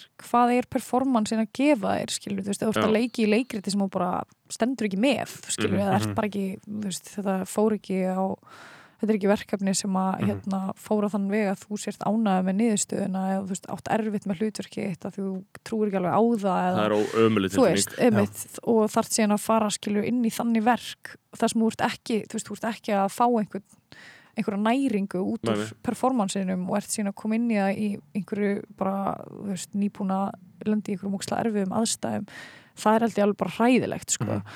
en svo er mitt kannski allt annað þegar ferlið hefur verið þannig að þú veist eins og í leikhúsi bara ferlið er búið að vera óksla kærleiksríkt og þú veist hópurinn óksla góður og þetta er umhverju sem er þú veist nærandi og þú trúir á verkið og langar að þú veist þá langar þig kannski að fara og þú veist ymmit það er eitthvað skonar það er valdeblandi fyrir þig að, að þrátt fyrir erfileika þú veist komast í gegnum eitthvað sem þið þykir væntum Já, skilur en hvernig, hvernig metur þú það eh, hafandi verið uh, núna bæði í eitthvað leikur sem væntalega einnig í Berlín, þú varst að vinna þar ekki? ég var að vinna í fólksbyrnu Já, og sömulegis núna í uh, Reykjavík, að það ekki, í þjóðleikúsinu einhver leiti?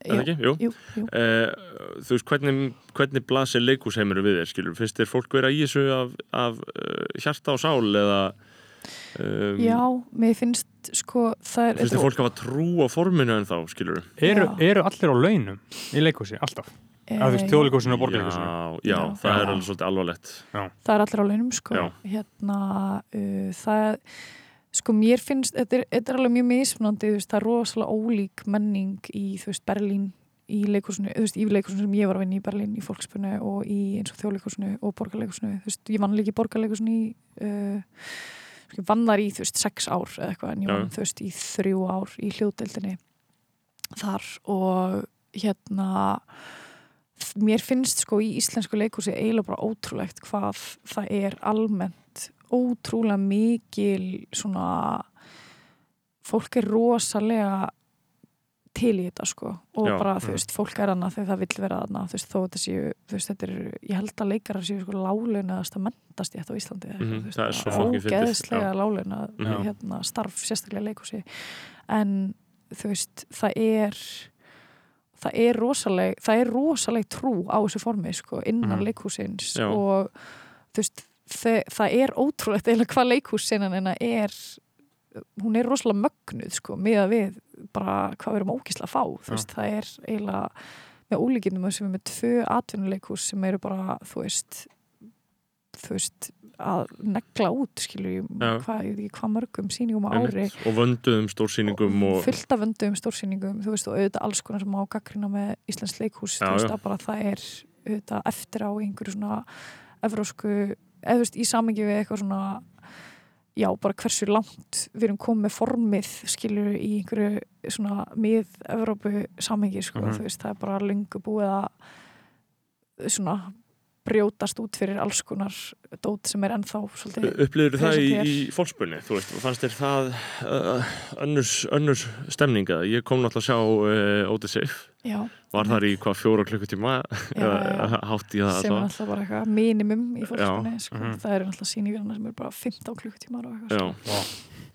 um, um, já, þú veist, það er öðruvísi. Það er ekki það er náttúrulega, fyrsta lagi bara öðruvísi að það eru, sko, þetta er 90% ríkisreikið veist, þannig að það eru ekki það þarf ekki að setja upp söngleiki, það Nei. þarf ekki að setja upp eða veist, ég elska söngleiki og eitthvað, fjölskyldusýningar en veist, það er bara hleyja þessu þar, skiljast, það Já. aldrei vera gert. Uh, aldrei verið að gera badnasýning bara, það er bara fynd, það er bara hlægilegt skilur þannig að þetta er auðvitað bara einhver stopnun með fjórum sviðum það sem að er bara hérna það er bara rými fyrir fólk sem er í rauninni eitthvað svona komið svolítið mikið langt út fyrir eitthvað ramma skilur og þau verk sem eru sett upp sem eru um, klassísk verk eru sett upp í, af leikstjórum sem er yfirleitt að veist, þá vinna við að taka þau í sundur sko. Mhm. um, þannig að það er yfirleitt bara nýsköpun eða einhver svona mjög veist, gróf afbygging það er eiginlega eina sem er sett upp já, já. og síðan eru flutt inn mikið af þú veist framan, eða þú veist mikið af bara hérna leikúshópum sem eru hafa verið þú veist í einhverju sjálfstæri senu í bara alls konar mismunandi Európulöndum og En líka því að sko, þú veist, eins og ef maður lítur á bara þýskan leikúsmarka eða hvernig sem maður eða, hvaða land sem maður tekur Mhm. þá er þetta svo miklu stærra, þú veist, með þú veist fólkspunni sem er kannski krem til að krem og svona einhvern önnur sjábunni og þú veist, einhvern nokkur leikús í þessum stóru borgum. Já. Eh, það er kannski svona aðsta takmark einhvers sem ætlar að leggja fyrir sér leikús í Þýskalandi, en svo ertu með bara fucking leikús í hverju einasta fucking þorpi þannig að þú getur Já. bara unnið út um allt. Og þess vegna á öllu hennu þýska málsvæði bara í Austuríki og Sviss líka. Algjörlega. Möguleikat eru svo takmarka lausir þetta Já. með að við uh, hér þá einmitt, bara, þú veist, keirir bara fjóra kílometra á milli leikúsana og that's it Já. þú veist, einmitt. Og svo bara Benedikt Búolfur og Akureyri skilur, þú veist, Já. það er bara svo eru reyndar fokkinga, eru leikhús út um allt hérna sko. já, það vissulega eru, eru leikhús bara, það er bara keflaðik já, það er í það er það er- gabla leikúsið það er- og já. það er tjarnabíó náttúrulega líka Tjarnabíó er náttúrulega geggja mér finnst það í setni leikhús, tíð sko. bara vera svolítið mitt eða svona, ég bara þegar Það er svona svolítið sérstætt að fara Já. á en Tjarnabíó er bara orðið, það er búið Já. að breytast sjúklega mikið, líka bara svona viðleitnin þú veist, gag, þú veist, minnst fólk fara í Tjarnabíó, fólk tekur Tjarnabíó mjög alvarlega, skilur, Já. þú veist, það var ekki bara þannig verða fyrir bara fjórum árum eða eitthvað. Nákvæmlega, mér finnst þetta á sent tíð orðið bara svona miklu meira established og, og gaman að koma og bara það sem maður hefur séð er líka bara gæði oft Já, það er bara geðveikt, þú veist, Já. og það er auðvitað allt annað, þú veist, það er ótrúlega mikið, það er líka bara með þraut segjan í sjálfstæðu senunni er massíf, sko, Já. þú veist, ég var að Mm. vinna í hana last kvöldmáltíð Mm. eftir Mm. kolfinu sem þið voru, tók ekki viðtalið Mhm. hana um daginn, jú, já. Við mitt, hún hérna, ég var að gera tónlistina fyrir það og þú veist og það var svo fyndi að þá var ég nýbúna, ég kláraði verk með Þorlefi í fólkspunni í oktober og kom svo, þú veist, í ég kom hinga til, hérna, til þess eiginlega að gera þetta verk og gera Rómeo og Júliu sem ég er sérst að Já. gera tónlistinni og það var svo fyndi að fara bara úr fólkspunni í, þú veist, allt innu varstu bara, þú veist, er náttúrulega engisviðismenn þú veist, þú bara ert alltaf allir í uppsetningu, allir í niðri þú veist, allir bara gera, þú veist, Já. 30 störf skilur, Mhm. allir í framleiðslu allir í redda mat, redda þessu, þetta, þetta, þetta og þú veist, þú þarft að vera og svo er náttúrulega bara allir á sko, þú veist, ég, maður var að fá eitthvað mánuð að listamannlaunum eða eitthvað Já. að gera þetta skilju Mhm. og svo ertu líka bara um eitt æfingar og svo ertu að fara upp í stúdíó að semja og Mhm. eða, þú veist, þetta er bara já, þú þarft að vera rosa til í, eða þú veist þarft að vera mjög ástriðfullega þessu til, a, Mhm. til að gera þetta sko og það er alveg magna að það sé heilt hús sem er bara með þennan gæðastandard á efni þar sem fólk er almennt í svona vinnu sko, þar sem Mhm. bara vinna þrjú, fjögur störf, veist, Já. á skítalaunum sko. Já. og þú veist, mér finnst að segja ókslega mikið um hvað bara leikhúsinanina er mögnuð eiginlega Mhm. og þú veist, það er bara þú veist, núna allavega samanburðurinn að vinna sko í próduksunni í fólkspunni á stóra sviðinu versus að vinna á stóra sviðinu í þjóðleikúsinu þú veist, það er bara fólk almennt í þjóðleikúsinu finnst mér vera miklu svona það er miklu graðara í starfinu sínu sko. Veist, það er bara miklu spenntara fyrir því að láta hlutina ganga upp. Þú veist, þú upplifir það sem með þér í liði það er ekki á móti þér og ég veit að þú veist það hefur örugglega eitthvað að gera með í, í hinni stöðunni er ég skilur e, þar er ég innflytjandi eða þú veist, þar er Já, ég ut, svona, ég er utanvelta að einhverju leiti og líka þú veist, ég var eina já, þú veist, ég var að vinna í hljóðdeildinni í fólkspunni, þú veist, ég er fyrsta konan sem er ráðin þar inn, sko, síðan, Já, þú veist, mhm. 1914 Akkurat.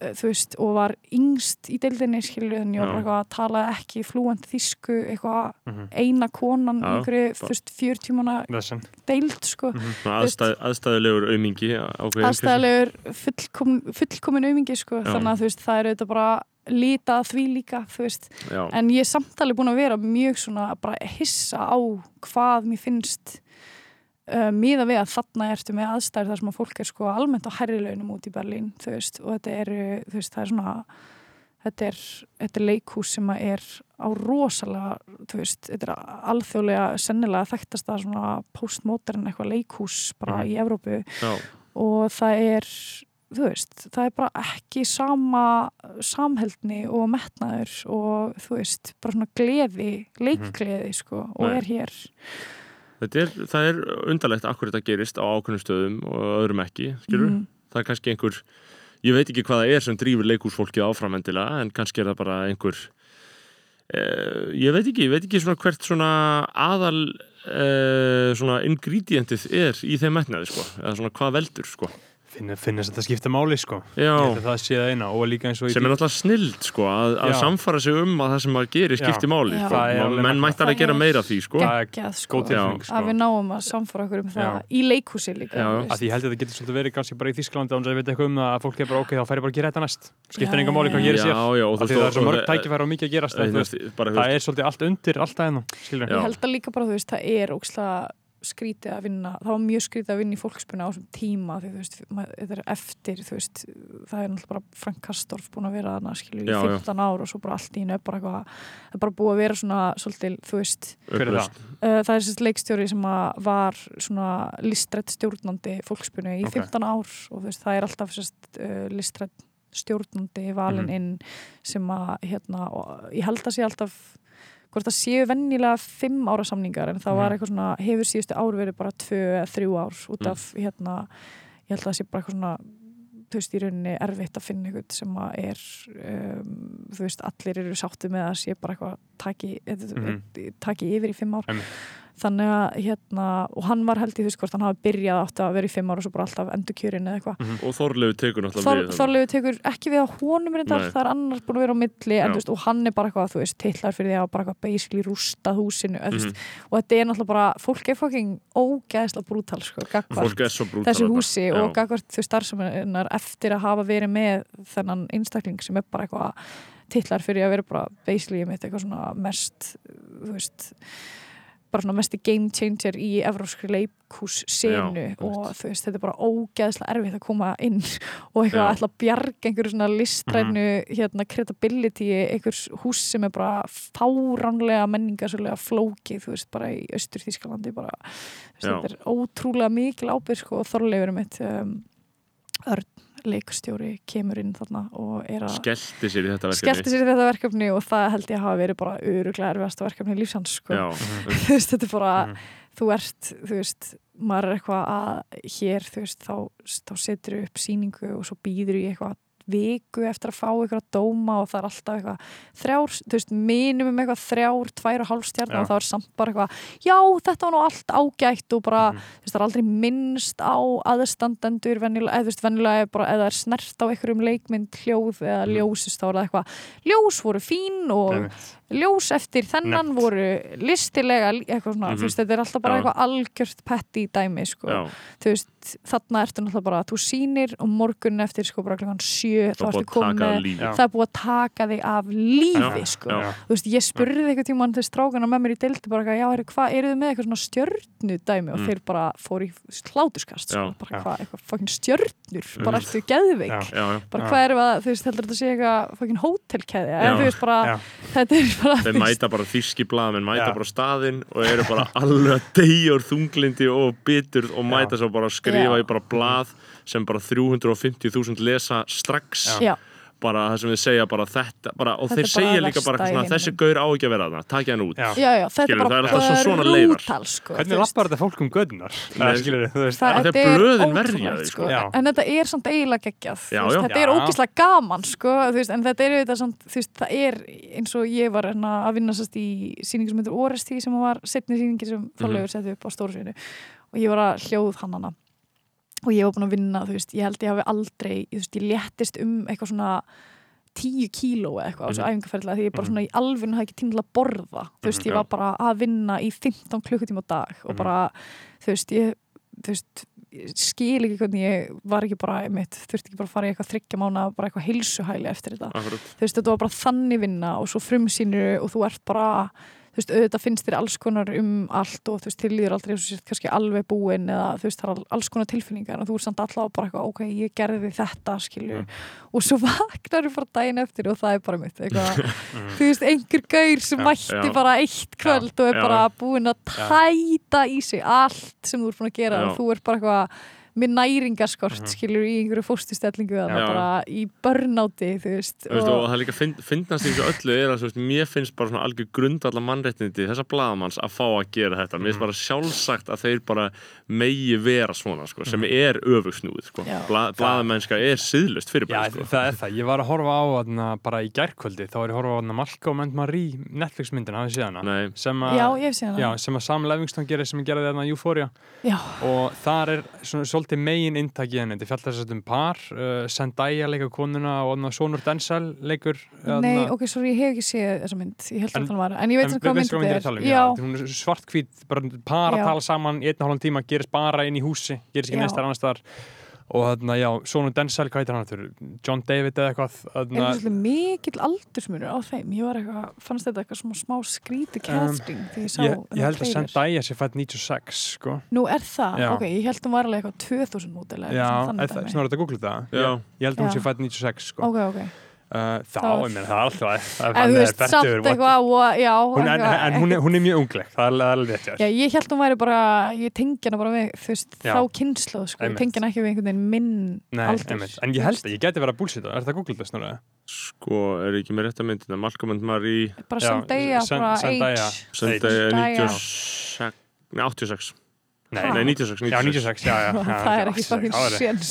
En, en Já, hann, 96, en ok. heitir hann ekki John David Washington? Jú, hann er 84 84 Það er alltaf 96 og Átta ár. 84 96 og 84 það, er- það myndi alltaf sleppa í einhverjum velju samviki hér, eða ekki? Fullkomlega basic, 24 ára og Sko, 96 modell er hann ekki ánum 26 ára. Jú, jú, jú, hún er jú. 25 ára 25 ára, 25 ára 25 Já, ára, sko. já. Já, já, full- fullkomlega basic, hún má vera með 70 manni og vill, skilur já, ok, En kannski gefa henni 2 ár 27 Já. ára þá getur hún farið alveg upp, skilur Ég held hún væri, þú veist, 22, 21, Já. 22 Þú veist, þá var það- ég eitthvað svona mm, Já. Þetta er alveg Það frekar fucking brútal, sko Já, Er það góð mynda? Já, þetta, þetta er geggjum mynd sko og, en megin inntaki í henni er þess að hann þetta er svolítið snýst um það að hann sé uh, snillingurinn, listamæðurinn og hún er svona mjúsiðan svona og fær aldrei neitt kredit og hann er alltaf að svífera hana og allt svona og það er svolítið svona, það er oft myndin fjallar aðal um það að vera listamæður fór gaggrín á þig, skilur mm. og það er svolítið basically gaurinn sem skrifa myndina uh, skrifar hana og leikstýrana er hann Sam Livingston sem gerði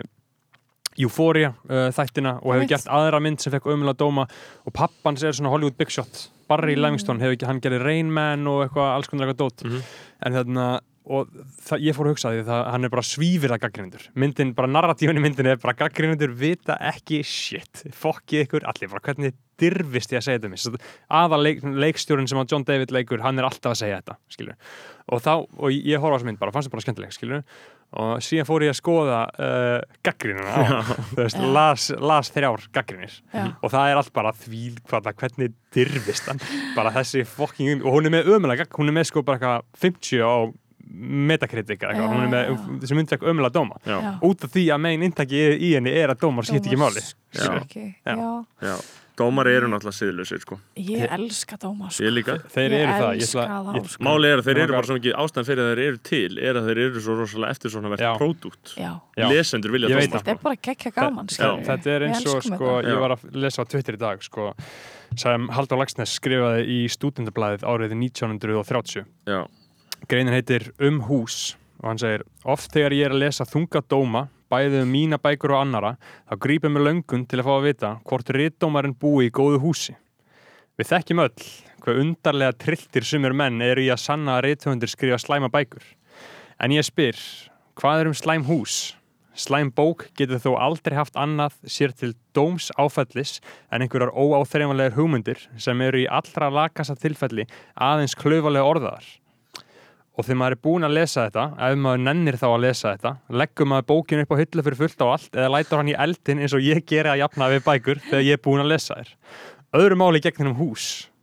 Þarna byggir einhver slæmt og ljótt hús og það stendur það sem það er komið á glambekki í bæjarfélaginu, kannski í margar kynsluðar. Mhm. Valið punktur? já, já, ég er samanlega því. Og Þú það veist- gaggrinn engin hús. Nei. Það ætti að vera. En Ég hef nú gaggrind hús og þeir, þeir voru nú ekki sáttir uh, við mig, þeir sem bara voru ábyrð á húsinu. En það er náttúrulega, þú veist, gert í fullta borgum, þú veist, það er bara eitthvað, það er ekkert hægt að byggja bara hvaða hús sem er eins og Nei, hérna, þú veist, það er bara eitthvað engin, ekkert konsistansi í neinu, Nei. þú veist, þú ert í París og ert eitthvað, þú veist, þú getur ekkert fara að brjóta bara stílbræða á heilu hverfi, Það er að þú ert eitthvað langar í einhverjar auka svalir, sko. En Það hér, er- hér er bara eitthvað að gerast er og þess að lítur borgin bara einhvern veginn út. Og, og það, það er svo fyndið sko, sem að ég veit ekki neitt, neitt mikið um byggingageran sko, en þá er sko svolítið or, orðan en þar að það hafi bara breyst á síðastlunum tíu árum eftir að peninga, peningamenninir kom, fóru í það, þá snýst þetta bara um það að hafa þetta eins ódýrt og mögulegt er og selja þetta eins dýrt og mögulegt. Já, Allt annað er bara fullkomið auka. Ég var að lesa, já, ég var að lesa í fréttum núna að þú veist, þú ert með fjör ára gömul hús Mhm. og það er bara migla og það er bara allt að þeim og þú veist, Já. fólk er bara lenda, það er bara risa stór dómsmál að, að vera til út af hræðilega illa beigðum nýjum húsum sko, Úf, sem er uh, hvar? Ég veit ekki, ég, þarna, eitthvað starf, ég las eitthvað, Já. las bara fyrirsögn Já. uh, en sko, tökum örstöðapásu Já. Já, aftur. við erum komin eftir eftir stuttlí yes. um, Það sem við uh, ætluðum að tala um uh, og eigum eftir að tala um Já, uh, Ég meina Salka, hvað bjóstu lengi í Berlín? í þrjú ár. Í þrjú ár Já, aðstæðan svona lengi Ég var alveg Og- svolítið lengi, sko. og komst vel inn í Berlíns samfélag Þú ætla varst að vinna þarna og... Já, ég, hérna, það var mjög fyndið að ég flutti með bara svona ekkert, sko. Mhm. Ég var bara, hérna, var að vinna í borgarleikusinu hér og lærði hljóðtækni í stúdíu eh, í tækniskólanum hérna Mhm. og síðan, hérna, sem sagt, byrja ég eitthvað að deyta strák sem að verður síðan kærasta minn hana 2017 og hann er búin að vera búsettur í Berlín og langar að fara aftur út og ég í rauninni er bara eitthvað, mér langar bara að fara skilju Mhm. og er bara, já já, whatever, Berlín, geggjað Já, bara fara Og- að vera ykkur íbúð já, bara eitthvað, ég ætla að fara og bara sjá hvað setur sko, af því ég var bara svona komið með, þú veist uh, já, þú veist ég held ég var bara búin að byggja upp ég var bara svo ógeðslega kvíðin hérna þú veist, sem að örgulega margir upplega og held ég ástæð fyrir mjög margir fari er bara svona, Mhm. þú veist, er þetta þessi svona smásjá sem er á manni að Mhm. búa hérna, en líka, þú veist, það líka tengist, þú veist, reykjaugudætrum og eitthvað bara, Mhm. þú veist, það var bara á tímabili bara mjög erfitt að búa hérna og vera Mhm. í þeirri hljómsveit sko. Mhm.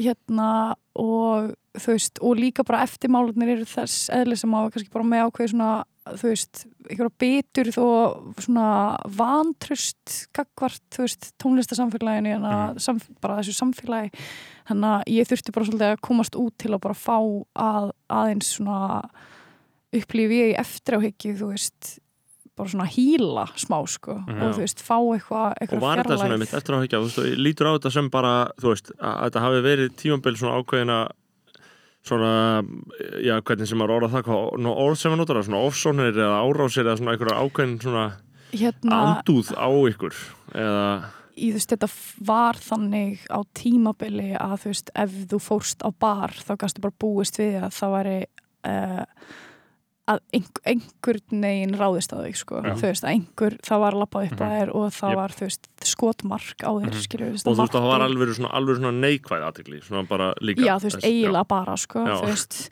eða þú veist, fólki sem að, ef einhver kom að rósa þér, þá var það eitthvað svona, hæ, ég, hérna, fíla ykkur, eða þú veist, svona Já. kveisla í eiraður og samt eitthvað svona, ég fíla ykkur, ég, ég fíla ykkur þrátt fyrir, eða þú veist, Já, já. og líka svona, þú veist, hæ, ég hef alltaf fílað ykkur, þú veist, eins og fólk, Já. eins og maður eitthvað svona, að Mhm. rósa fólki fyrir eitthvað svona, já, og maður eitthvað, það er úksla skrítið, Mhm. hérna, og einmitt mjög mikið af svona eitthvað mér finnst þetta ógislega lélegt og allir sökka en þú ert flott, þú veist þannig að það er eitthvað svona eins og það væri hrós fyrir mann að þú væri að rífa niður vinkonu þínar skilur, sem ógislega skrítið líka Mhm. hérna um, en já, þú veist, það var tímabil það sem að, það var bara mjög erfitt að fara neyri bæ, sko, þú veist og það bara, þú veist, maður var að fá bara, þú veist alls konar morð og nöðgunahútanir og eitthvað, sko, Mhm. þetta var bara hellað og þú veist, ég hef lendi að svona mest brút eða þú veist, mest svona, ský, svona skýrast þetta dæmi um svona markaleysi sem ég hef lendi var að ég sko var stoppaði löggunni fyrir að tala í síman og löggan leitt mig setja þetta aftur í lauruglubíl sem er mjög skrítið þú ert eitthvað tekinn fyrir að tala í síma. Þá er það bara eitthvað hérna sekt skilur ég er tekinn aftur í lauruglubíl og hann er eitthvað já, hvað segir ég, ertu freðin? og ég er eitthvað, nei Ok, já, það er þú veist, ég bara veit að því rappararnir eru oft í grasinu, eitthvað svona Mhm. Byrja síðan að tala um, þú veist, eitthvað rapp í Reykjavík þættina á stöð 2 og tala ekki eitthvað mikið um hvað Dóri DNA sem mikill snillingur Mhm. og byrja síðan að drulli við Reykjavík þetta og segja mér eitthvað, já en þú ert samt alveg með flæði sko, ég hef heyrt Já. það Já. og þú veist, bara Já. og ég sitt aftan í löggubílum bara, skilur, bara í ógæðislega vulnerable, bara mest vulnerable Já, stað já, sem getur verið í, þú Og ekki ekki hefur Nei. Og bara þarf að sitja undir því að hann sé að drulli að fyrir eða þú veist löggan gerir þetta targetar sko, já Já þú veist þá maður bara eitthvað að vá það er bara svona full komið markaleysi í Mhm. þú veist það kemur að þessari hljómsveit verðist vera og þú veist þetta er ókíslega mikið svona uh, þetta er bara eitthvað svona sem gerist rosalega oft þegar einhver er fyrstur í Mhm. einhverju þú veist Já, það er já. bara skotmark veist og það er alls ekki veist það, það að vera fyrstur þýðir oft að hérna þú færð svona, þú veist það er ákveðin svona innleðsla sem er um, þykir vera eitthvað svona samþyggi í og fólk, fólk kannski hugsa með sér, herru, já nú er að fara tímanir að fara breytast eitthvað svona Mhm. en svo kemur í eftir eftirmálaðnir verða í rauninni veist, það snýst upp í andhverju sína fólk upplifir að því við leiðum þessu að koma inn þá erum við núna með eitthvað svona moral licensing fyrir því að hérna, að sko taka niður Mhm. og þú veist, drulli yfir það og hérna og í rauninni búa til ennþá minna plás fyrir þá sem koma eftir, þú veist og En heldur að jarðvegurinn sé ekki lagður að einhver leiti fyrir eitthvað sem kynni að rýsa upp sem væri bara, þú veist, jafnvel alveg ný kynnslóð uh, af einhverju svona dóti, eða? þú veist, ég vona það en ég menna ég hugsa bara og, þú veist, og hef bara heyrt frá mikið af stelpum sem að hafa, þú veist, eitthvað haft kannski áhuga að stíga inn í þessa senu og eitthvað að það bara það að sjá hvernig var farið með þessu Mhm. hljómsveit bara gera það verkum að Já. þeim langa ekki að gera það Nei, nei. og, og, Og á þú sama veist, hátt hefur maður ekki séð mjög mikið af því Mm. að yngri stelpur séu að byrja að rappa beinlinis, skilur. nei, þú veist, það bara var Það var ekki verið ábyrjandi. Nei, þetta varð ekki til þess að það kemi, þú veist, ég var að hlusta mitt á eitthvað þátt sem var um svona, þú veist, um þetta, þú veist, um það að vera fyrstur, þú veist, um, fjallaði um hérna konu sem heitir Elizabeth Thompson sem að málaði málverk, þú veist, árið, man ekki, 1870 eða eitthvað sem heitir Roll Call, Mhm. sem var hérna um, á þessum tíma, þú veist, þá var svona listaheiminum bara geðið lokaður, það var 40 listamenn í hérna Royal Academy eitthvað sem að hérna völdu sér sagt hvað listamenn voru settir upp á síningu sem var árleg sem var bara svona eina síningin sem skipti einhverjum máli listamenn bara eða ætlaði að meika og hérna hennar sko fyrsta málverk sem hún submittar, það er valið og það er sett sko svona on the line sem því bara, þú veist, í auklínu í svona salnum sem er, þú veist, þykir merkilegastur. Þannig að hún er bara svona tekin inn og tekin inn og þannig hátt að þetta er bara svona, þú veist, ógísla, þú veist, þetta málverk verður bara svona málverkið á sýningunni. Og þá hugsa allir, að ok, geggja því að það er eitthvað að fara að breytast, þú veist, hún verður örugglega kosin inn í nefndina, þú veist, það verður hérna um, þú veist, núna er fara að verða pláss fyrir bara, þú veist, fólk sem er bara marginalized og þú veist, er fyrir utan en að loka heim en það sem gerist er að uh, sko, hún er, veist, ekki, hún kemst ekki inn í nefndina að munar eitthvað tveimur atkvæðum. Og í kjölfarið af því að svon, hún er svo nálagt í að komast inn þá taka þeir sér saman, þeir sem er í nefndinu og er eitthvað svona, hm, ok, hvað myndi gerast þegar kona kemast inn inn? Og komast bara þeir niðurstöð að það væri bara hræðilegt og herða enn frekar eiginlega lögin um það hvernig, þú veist, gera ennþá erfiðar fyrir kona að komast inn. Næst þegar hún sækir um með málverkið sitt þá er það eh, tekið inn af því að það er bara skandalt að það er tekið inn en það er hengt í svona efst í sal í salnum sem þykir vera bara svona veist, þannig að það sem gerist er að af því að þeir eru búinir að sína fram á já, við erum hérna ókslega þú veist, við erum að hérna, við erum augljóslega framsæknir og þú veist, við hleyftum inn þessari konu, við settum hana á þú veist, mikilvægasta staðin, þá liðum eins og sé með license til þess að gera ekkert og jafnvel gera verra, þú veist. Já. og sama má segja með bara eins og þú veist að við erum búin að, að þú veist, í bandarækjunum er kosin veist, svartur forseti, skilju og fólk sem kaus Obama, þú veist, þá tekjum bara könnun. Það er hérna oft líklegra að það finn, þeim finnst þau eitthvað inni að vera sína sér rasíska hægðun, Já, að þeir já. eitthvað ég er búin að sanna að ég er ekki rasisti, Já, Við skilju erum búin að fríða Við samvinskunni erum búin að fríða samvinskuna Mhm. og þú veist, ég upplifið að mörguleita að eitthvað svona hafi gerst með Reykjavík Já. mm það hafi verið eitthvað svona, svona bríf samþykis Já. tími, þú veist, einhverjum mánuðir skilur Já, og að þegar það var búið í rauninni bara að leifa sig að vera til Já. þá kemur bara einhvers konar bara svona nýr um, já, þá kemur einhvers konar licensing sem bara býr til skotmark og býr til bara ennþá erfiðari jarðveg fyrir þá sem að myndi vilja koma eftir sko. Og það er veist, það er rosalega sorglegt að að leggja svona mikið á sig og þú veist og þurfa að vera fyrir svona rosalega aðkasti í samfélagi og upplifa síðan að niðurstöðan sé jafnvel svo að það sé orðið ennþá flóknara sko. já, já. Það er það er allavega, þú veist, þegar maður hugsaður út í það þá finnst mér allavega sláandi að það skuli ekkert hafa fyllt í kjölfarið, skilur eða svona einhvern veginn, að það, Já, hafi verið bara svona rosa eitthvað moment og svo bara Já, ég Ekki. meina, þjóðin fekk bara útrás á einhverju niður bældri, djúbri kvennfyrirlitningu Algjörlega, og þú bara veist, og minna beintið í öllu af Já. Reykjavík-dættinum þarna á, á tímambili og, og, og þú veist, það sem er rétt sem hún segir með það, það glerþak eins og þú veist, paldi í það bara einhverju kallar í 80s skilur bara einhverjum úldnir útgerðar old money Íslendingar, þeir elsku að hafa vikti sér fimmboða sem fórseta, skilur. Já. bara, herru, jafnbrettis paradísin Ísland, skilur einmitt á meðan þeir geta bara ennþá að vera að græða sem penning og vera Mm. kallar í Mm. friði, Einmitt. sko þannig að þetta er alveg, ég held þessi kenning eigi við um rosalega margt, En sko svo Þetta voru náttúrulega alls konar moment í þessu sko. eins og bara þegar þið fóru í gíslamartin með dildóana skilur þú veist, Já, já. það var náttúrulega auðvitað alltaf til, var, var alltaf að fara að stuða mjög marga skilur Við dildó, það var náttúrulega það voru ekki dildóar, var það það var sko ein manneskja með strappon. Já, og sko, þú horfir samt eins og á það já, það, það er langt dæmis- síðan ég sé það sko já, ég, já, já, það var til dæmis sko ég var ekki í þeim þetta ég var, hana, var að sína njálu Mm. þegar, þetta kvöld. Mhm. og ég ég horfði á þetta og mér, þú veist, ég var bara já, já, þú veist, Já, það, er- það er í alveg að lappa inn, það er rappa eitthvað lag já, þú veist, ein manneskja með strappon skilur sem hún Búið- bara eitthvað hún búið. stendur með og er eitthvað Mhm. að dansa þú veist, bara whatever það er ekkert að gerast Nei, nei, sko. það er ekkert að gerast, þú nei. horfir á það. Sko, þú veist, viðbröð við þessu Mhm. það var eins og þær hefði verið að náttúrulega í fyrsta lagi lappar skilur Ágúst Ágúst Eva út og segist að það hafi verið nauðgað í byrni útsendingu sem náttúrulega bara fyrirlítlegt skilur að segja.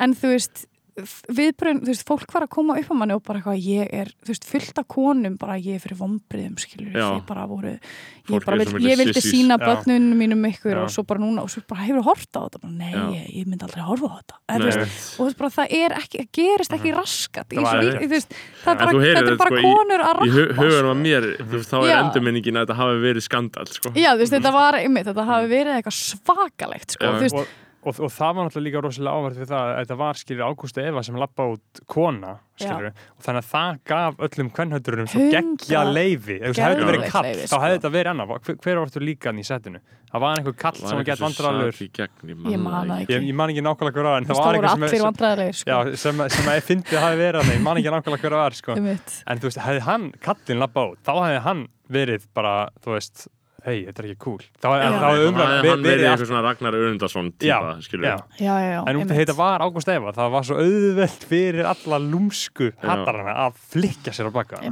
er, að- ég, er að, ég er að horfa á þetta sko. Já, hérna þótti svona gísli, gísli settur í eitthvað ból já, já, já, einmitt.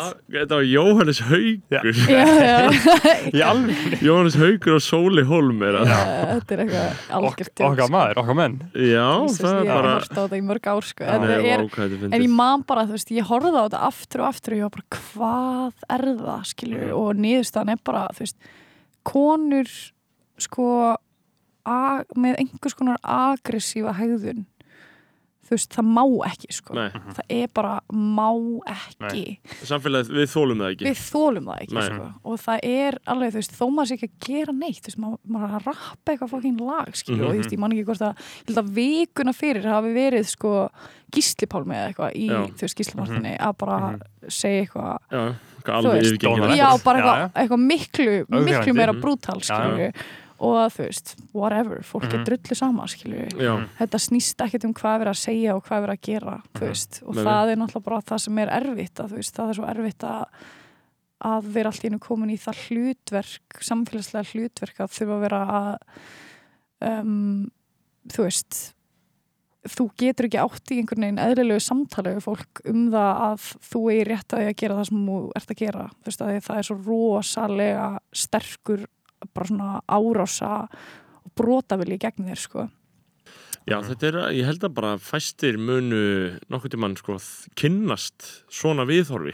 Nei. e eins og Er raun og veru svona tilraun fær, skilur Einmitt. Þú veist, það, Algjörlega. að því þetta er svo rosalega Það var svo margt að gerjast og mikið Já. að vera, þú algjörlega. Og þú öllu, þá, þá er þetta mjög sérstakt sko, hvað gerist þarna sko. Já, þetta er alveg magnað sko. Þú veist, og hefur öruglega verið einn mesti skóli lífs míns þú veist, og Mhm. hefur mótað mig hvað mest í mínu lífi sko. En hvað segir, hvað segir þér þetta um það hvernig, eða sérst, hvað lærdóm dregur að þessu um það bara hvernig hún nálgast uh, listsköpun í svona víðum skilningi, skilur þú veist, það sem ég kannski bara mest læriði af þessu ferli öllu var bara, veist, að fara í gegnum svona all stíin af því að vera að, þú veist, þú byrjar alltaf að rítskoða þig meira og meira og meira og meira af því, þú veist, fólk er óhemgisamara og óhemgisamara Og færða reytskoðið, og fórst það reytskoðið Ég fór alveg, við allar skilur Já. og bara komnar í skilur að vera bara hvað ekki taka mynda mér með sígarettu skilur Já, af því að mhm. það er einhver mamma að vera að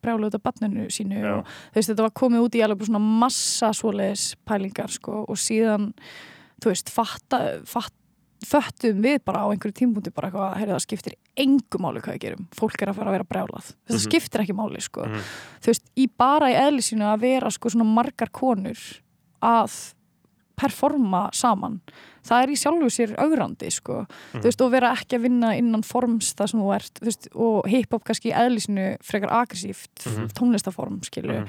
þannig að þó þú sért bara að veist, það skiptir engum máli hvort þú talum þú veist, það sem að við sem eitthvað unit vorum, eða þýttum fyrir fólki var nógu augrandi til þess að það uppliði að það hefði eitthvað skotlefi að þau þannig að þú veist, það var bara eitthvað svona það var eitthvað svona þú veist það var einhver hérna rofi bara, þú veist, það var bara einhver dagur það sem að það gerðist bara inn, gerjaði, já, bara breyttist innramennum á minni þetta viðþorf og maður hætti alveg að reyna að plýsa Mhm. og fó bara að þú veist, ég ætla bara að gera hvað sem ég vil sko. En er ekki líka svolítið erfitt þegar maður er, þarf lendir í raugræðu eða lendir í bara því að ein- einhver gaggrin er sett fram og hún er kannski um bara eitthvað sem þið segið eða hvernig þið presenterið eitthvað eða hvernig þið nálgist eitthvað ákveðum málefni mm. og gaggrinin, þú veist, getur alveg í einhverju samingi talist röggrétt Mm.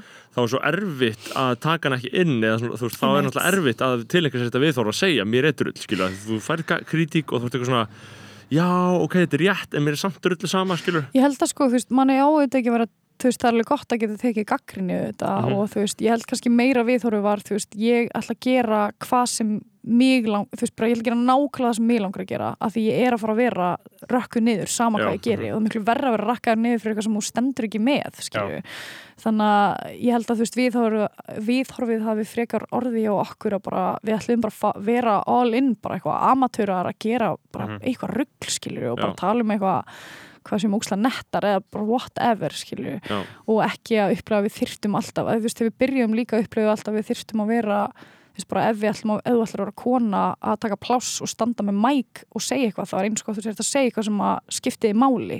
Þú veist, og það þróaðist yfir í bara eitthvað nei, ég má bara vera og taka óksla mikið pláss og segja bara eitthvað sem skiptir engum Já, skilur svo fokk ég fyndi að ég myndi sér eitthvað nýja rappar að vera að hugsa þetta Já, þú veist, en þú veist, séns. bara hugsa þetta, já, þú veist, og öll lögin okkur voru bara rampólitísk, skiljum við, Mhm. og eitthvað þegar við vorum að byrja Mhm. og svo bara, þú veist, basically mitt fór það yfir í bara, þú veist, okkar stærsti aktivismi er í rauninni bara að vera konur sem að er að skemmta sér sjúklega mikið saman á Mhm. sviði og eru að tala um nákvæmlega það sem maður vilja hverju Mhm. sinni, þú veist, það er bara sjúklega stert Mhm. og langsterkast það sem við getum gert einhvern veginn, en ég held að þú veist, það sem búist að segja, ég, þú veist, það tók mig í rauninni, svo við fyrir aftur í Berlínarferðina, þá þú veist, það tók mig í rauninni þá fjarlægð að ná aftur að læra að eiginlega sko aðgreina árásir og gaggrinni sko að einhverju leiti, að því ég var með komin í bara, veist, þegar fólk veitir tala við mig um Reykjavík þá var bara instant vörn, Já. sko, þú veist, ef fólk spyrði þig ert í Reykjavík Mhm. þú veist, þá viðbröð mín fyrir fjórum árum hefði verið bara uh, þú veist, kannski segja kannski segja nei, sko. Já, þú veist, bara ég vil ekki opna á þetta. Og núna, þú veist, ég þurfti að þá bara svona massa ferli að bara einhver spyrði hvort sér Reykjavík og vera bara, já, Já. allir, já, ég mitt, Já, ég er, mhm. jú þú veist, Já, og bara svona að upplifa stolt en ekki Einmitt. og upplifa, þú veist, að þú stæðir með sjálfum þér og um mitt og fyrir vikið þú ert komin á þann staðar miklu þú ert ekki vörn lengur, allavega ekki sama ekki jafn Mhm. mikið og þú veist, Mhm. þá áttu auðveldra með að geta talað um þetta fyrirbæri og heyrt gaggrinni og skili hvað er að hjálpa þér og hvað er bara, þú veist, hatursorðræða og hvað er, mitt, hvað er kvennfyrirlitning og hvað er bara eitthvað svona tónlistagaggrinni skilur, Mhm. og það er ógslag flóki og það er flóki fyrir utan að komandi líka að sjá það og þú veist ég vissum að ég og við allar höfum einhvern tíma að fara í vörn yfir einhverju sem að hefði getað miklu frekar talist sem tónlistagaggrinni eða eitthvað sem að var bara valid sko, þú já. veist Einmitt. Mhm. það, það er mitt þú veist, að þetta var líka alltaf veist, umræða var það mikil að þú veist, ég var einhvern mann að bara nýla þá sá ég bara einhver eldgamla grein bara af nútímanum þar sem að var eitthvað svona stelpur úr Reykjavík dætum að lesa komment um sjálfa sig þú veist, það sem að þetta voru bara massívar árásir, skipulaðar árásir ógeðslega Eh, komment sko. og skilur já, ég held að maður fatti kannski einmitt ekkit út, utanfrá hvað, eh, hvað, þarna, hvað þetta gerir við mann á endanum sko. Uh, En þa- það sem ég finnst líka að þarna var sko, uh, að þetta var ekkit endilega bara um tónlist en þarna var einhvers konar umræða um íslenska tónlist. Þetta var Mm. svona, þú veist, allir einhvern veginn að hugsa um þetta og pæli þessu og mér líður eins og það hafi ekki verið talað um neitt síðan Eh, svona mikið allavega eh, s- skil ég hvað að meina Já, það, já. það er aldrei neitt eitthvað að ræða tónlist það Nei. er aldrei neitt eitthvað að Mm. koma eitthvað og fokk í einhverju skilur Nei. að, þú veist, að breyta einhverju að gera eitthvað En ég meina þetta samt líka snýrist ótrúlega oft ekki um tónlist sko, Nei. Og alveg miklu oftar ekki Mhm. um tónlist heldur en um tónlist sko, veist, og það breytti engu hvaða, þú veist, hversu mörg mismunandi lög við vorum að gera þú veist, fólk almennt hafi kannski heyrt fyrsta lagi sem við gerðum og var bara búið að, þú veist, og svo var þetta bara einhver orðræða Mhm. og þú veist, það var bara búið að ákveða eitthvað og það var bara ókslega erfitt að að, þú veist, færa umræðina á eitthvað annað plan, sko já, já. þú veist og fyrir mér snýrist þessu umræða minnst um tónlist almennt Já, sko, þú veist, hún snýrist langmest um þú veist, í hverju við vorum, hvernig við komum fram þú veist, En hvað við tónlistar- sögðum En ætli tónlistar umræða snúist ekki samt líka mjög oft bara ekki um tónlist eða, þú veist, ótrúlega mikið. Er sko. til, til, til þess að Að eitthvað til. sérstaklega bara í dag að þú veist, það er uppistuð til, þá verður eiginlega að segja eitthvað ekki um tónlistina til þess að það sé hlusta sko, af því að umræðan um tónlisti það er ekki mikil eftirspurt eftir það slíkur er enginn að tala um einhverjum nótur eða einhver beat eða eitthvað sko. nei, nei, Nei, whatever en sko. það er, talað, það, er, það er talað um orðræðina og það er talað um það hvað fólk segir og það var talað um það hvað þið sögðu það var til minnst talað um það nýlega að að þú segir að það sé ekki umræðum rap, þú veist, það var þarna þessi pistill á rúf þarna um Já, ári, ég já. man ekki hvað það var Já. hvena það var nákvæmlega, síðan örugglega. var í september Já. ég man ég fór í Já. hvað Já. tala um þetta Og já, það- með þér já, við vorum Já. svo já. og það vakti, það vakti Já. veist, það, og, og það síndi líka að það er auðvitað eftirspurð eftir sannleikanum minna, skilur, fólk er að býða Ja. það er að býða eftir einhver segja eitthvað satt skilur, Já. að það er ekki mikið satt sagt endilega og uh, ég held að uh, einmitt að Reykjavík hafi skapað mikla umræðu um það allt saman, hvað gengi, hvað gengi ekki og svo fóru það náttúrulega bara í allar áttir sko, en núna er ekki núna er ekki endilega mikið rætt um nokkuð skapaðan hlut sko, það er bara svona, þetta er feitt eða þetta er ekki feitt. Já, Mhm. er ekki bara, þú veist, líka ákveðin kannski, þú veist, er náttúrulega bara búið svolítið sama dæmið í gangi svolítið mikið langan Mhm. tíma, sko. Já. að það er ákveðin svona, þú veist, það er meira eins og, þú veist þú veist, það er ekki alveg komin en, þú veist, ég held að það sé spennandi að tala um eitthvað svona enda á einhverju eða skilur, þú veist, það er eitthvað svona endurfæðing að gerast eða eitthvað er allt í einu að verða úkslega leim sem búið úkslega nettgætlingi eða eitthvað, það er Mhm. spennandi. En það er ekkit spennandi að tala um eitthvað sem er svona, þú veist, einhver staðar fyrir svona þú veist, lók skilur, aðeins fyrir niðan miðju í, Já. í hjólinu held ég, þetta er bara úrslega svona dauður tími, sko. Já, og við erum þar sko. Við erum svolítið þar og þú veist, Já. ég held að það sé sérstaklega það sem að fulleringar um að þetta sé að deyja gangi ekki upp og hafi ekki alveg náð fótfæstu nefnilega, skilur nei, Mhm. það er ekki að ganga upp, sko, og þú veist, og það er bara líka nýjir tímar í, þú veist, það er bara svona uh, fordæmi hlusir tímar í tón, Mhm. eða skilur, þú veist, í því hvernig við erum að neyta tónlistar og við vitum rauninu bara ekkert hvernig, þú veist, fólk er bara, einmitt, það er hægt að hlusta plötur, það er hlusta á playlista, þú veist, það er allt einu bara, það er allt annað, það er allt öflin sem ráða í hvað er vinsalt, hvað er ekki vinsalt, eru miklu svona um, þau eru miklu svona meira generic heldur en þau hafa verið, Já. þú veist, áður og það er úkslega já, kannski bara erfitt að skilja hvernig þróun tónlistar á eftir að verða innan, veist, og þrýfast innan þess heims, Mhm. sko þannig að veist, það er rosalega erfitt að veginn um það hvenar eitthvað mun hætta að virka og hvenar Mhm. eitthvað mun byrja að virka það er magnað eins og núna bara þá er svona skærustu ungstyrnin bara eitthvað Mm. Olivia Rodrigo og The Kid Laroi Já, Bara- bara Þú veist, eitthvað. eitthvað, að ég horfa á þetta bara sem svona fullkomlega bara- sjarmalausa AI botta. Þetta er bara, bara- gett þægileg playlista Augra tónlist og engu, TikTok gera ekki- tónlist gera skilurðu. ekkert, segja eitthvað svona um bara eitthvað svona basic atrið um samskipti kynjana um að eitthvað hennar eitthvað strákur sér svona, stelpa sér rosa- svona. óaugrandi, en mér finnst þið samt búin að vera mitt í svona, þú veist, við erum samt búin að vera allavega í svona eitthvað bandarísku popstjörnu samingi, finnst mér einmitt, þú veist popstjörnur hafa haft miklu meira leifi til að vera sko marglaga og hérna, og í rauninni, þú veist veist, breyskleikið þeirra er sölupunktur, þú veist, það Já. hefur ekkit verið það, þú veist, Nei. fyrir eða skilju bara eitthvað svona Britney og Kristina Aguilera og eitthvað, þú veist, þær mátt ekki vera Nei. þú veist, þær þurftu að vera fullkomnar Já, sko fullkomnar. þú veist, og það er núna og síðan allt í hennu í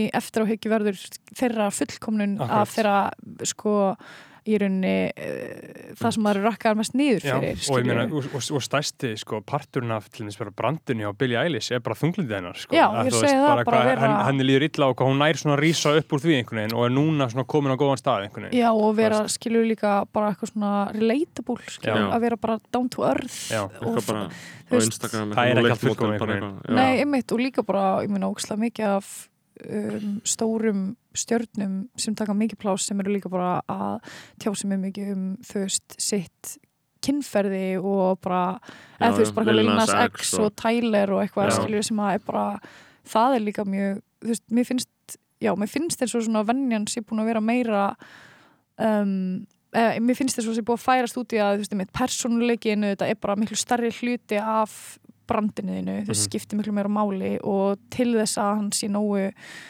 veist, hann þarf að vera rosalega marglega og spennandi til þess að hann sé nógu góð söluvara sko.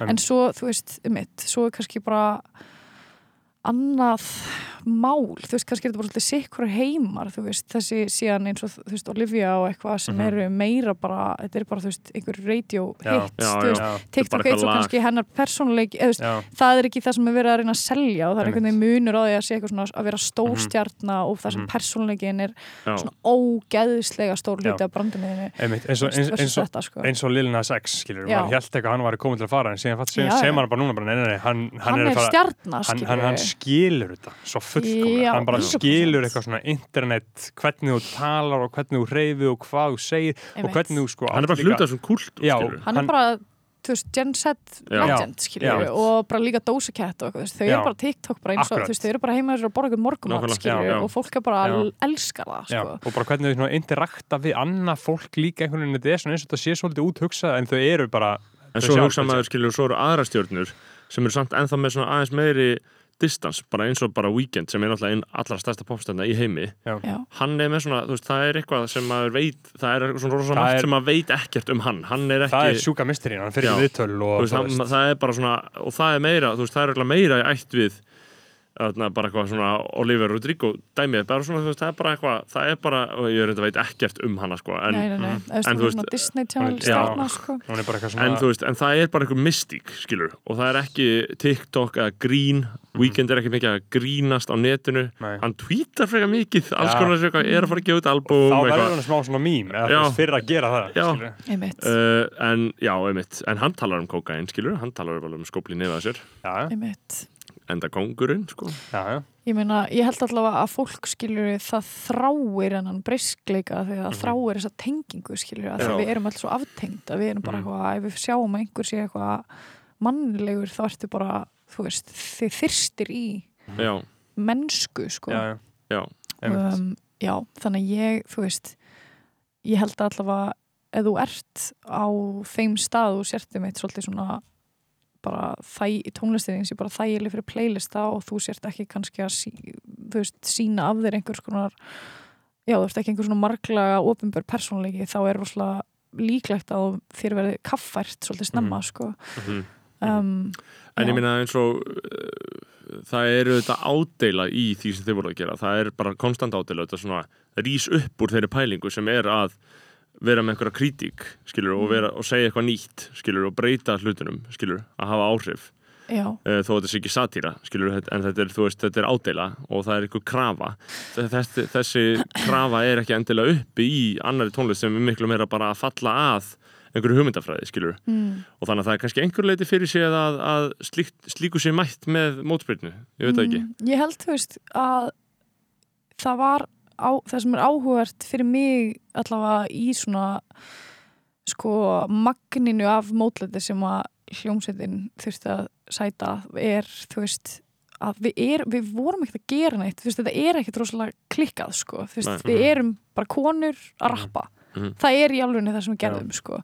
veist, við erum ekki að tala á við erum ekki, við, það var aldrei neinn hatursorðræða í garð einhverja hópa skilur Mhm. við, þú veist, við vorum ekki að tala niður til manna Mhm. þú veist, við vorum ekki að hérna, þú veist, aktivismin okkar fólst mest í að vera sko og bara mæta á svið og þú veist og gera lög sem voru mitt bara veist, mikið af konum í en þú veist í sjálfu sér þú veist það er þú veist, það er kannski annað þú ert eitthvað svona mikið radikal eða radikal þú veist þú ert eitthvað svona að koma fram og vera bara eitthvað að segja segja hérna, já, þú veist, vera með einhverja hatursorðaði, eitthvað öðru fólki eða Já, þú veist, eitthvað Já, svona sjúkan um Já, sjúkan Já. pólitískan áraður en málega er bara að það var ekkert í gangi Nei. skilu, þú veist, það var bara lítið Já. þetta er rauninni bara mjög Sigmund Davíð eða eitthvað. Já, þú veist, eitthvað basic, skilur, sem Já. bara allir gera, skilur, Já. sem bara, þú veist, ef þú skýtur ekki á sigmynda, þá er bara eitthvað skrítin, skilur, Já. þannig að þú veist, það er bara, það var það sem mér varst skrítið, sko, að Mhm. þú veist, mér fannst viðbröðin í engu samingi við verknæðin, skilur, þú veist, og mér finnst ég rauninni vera till, eh, veist, við hafum fengið miklu meiri, meira credibility sem einhverju aktivistar heldur við eigum sem í skilið, sko. Eða, þú veist, auðvitað bara hefur þetta sem fyrirbæri orðið eitthvað sem er í sjálfu sér mjög aktivist og Mhm. hérna flókið og hefur þú veist, bara búið að skrifa þú veist, fimm bjerið gerir um þessu hljómsveit skilur, Mhm, þú veist, já. að fólk er bara svo fascinætið yfir því hvaða Mhm. samfélagslega svona speil hún setti upp, sko Já. en þú veist, þetta er hérna, gjörðin er ekki það sem er sjokkurandi, sko sjokkvaljúið er Já. ekki, felst ekki í Nei. gjörðunum Nei, nei. Þú veist, sjokkvalið felst í Mhm. viðbröðunum sko, Mhm. og Já. í mitt því hvaða, hvað þetta gróf upp á yfirborðið Mhm. eiginlega, finnst mér En minnst það svona, já, al- En, algjörlega en, og- en eins og núna, ég meina 2021 Já. uh, hvernig þeir eru þeir eru búin að gefa út lagur og kann að koma myndband þegar þetta kemur út, eða ekki? Jú, það kemur út hérna 2008. Já, Já. þannig að bara stuttu eftir þessi þáttur fyrir lofti. Já. Ég meina, hvernig finnst þér stemmingin núna, gagvart ykkur? Sko, stemmingin á Íslandi er náttúrulega bara engin, eða þú veist, það Mhm. er bara engin að pæli í Reykjavík þetta á Íslandi, skilju, sem er bara Hvenær gerist það? Hvernig þróast það?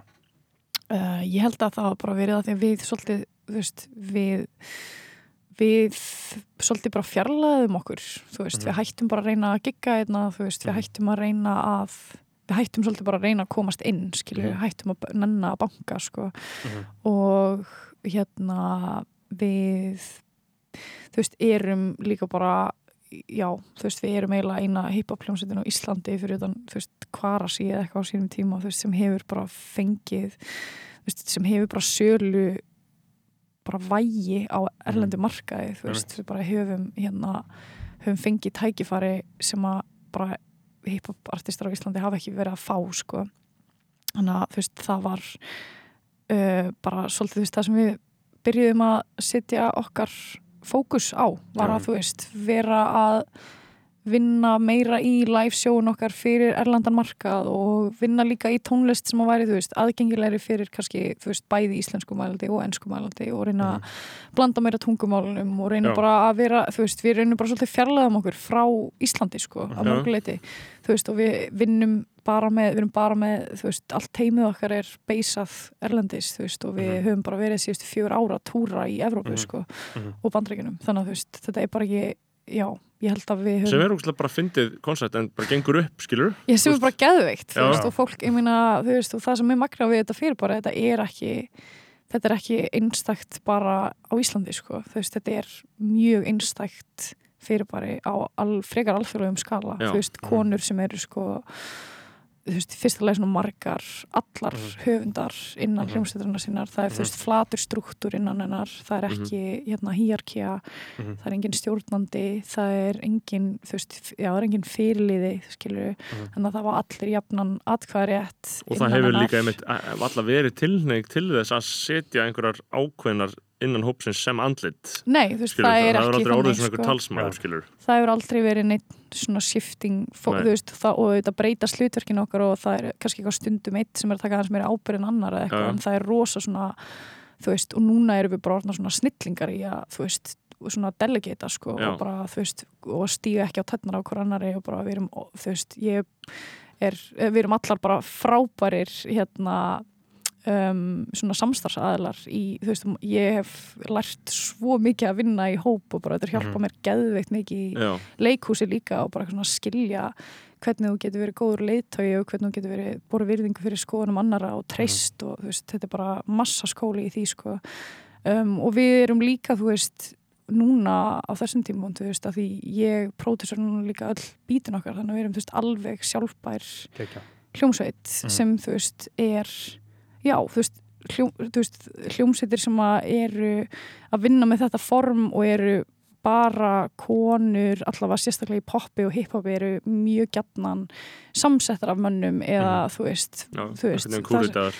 svolítið kjúriðar eða þú veist og gjarnan þú veist er, er tónlist þeirra samin eða pródusserið af mönnum skilur Mhm. sem er bara þú veist, allt í góðu og allt gott að blessa með það og bara mikið að geðu ykkur þannig hljómsveitum sko, en þú veist, það er alveg frekar einstakt að, já, þetta er bara frekar einstök hljómsveit, já, Mhm. þú veist og það er, hefur verið hérna eitthvað sem að mikið af erlendum bókurum sjá og Einmitt. þú veist, og við síðan við byrjuðum að spila og túra í Evrópu, þú veist, það er bara það verður aldrei verið, það verður alltaf bara verið gaman sko, og Já. bara verið snild og bara verið ógíslega mikið af forvitni og frábærum viðbröðum og bara, þú veist, og þar hef ég upplifað, þú veist, að það er bara fullt af stelpum sem að hafa komið á tónleika bara komið kannski í hitti fyrir og sögðu bara, herri, ég sá okkur fyrst getið 2015 og ég bara breytt lífinu og nú er ég Já. tónlistakona eða þú veist, Já, bara, já. þar allt í einu sástu bara, já, þarna er correlationið, skilur, herru, ég get gert þetta á meðan correlationu, eða þú veist, á meðan viðbröðin hér voru Einmitt. um bara eitthvað, að, herru, ok, já, ég ætti ekki að gera þetta, Mhm. þetta er hættulegt, sko Mhm.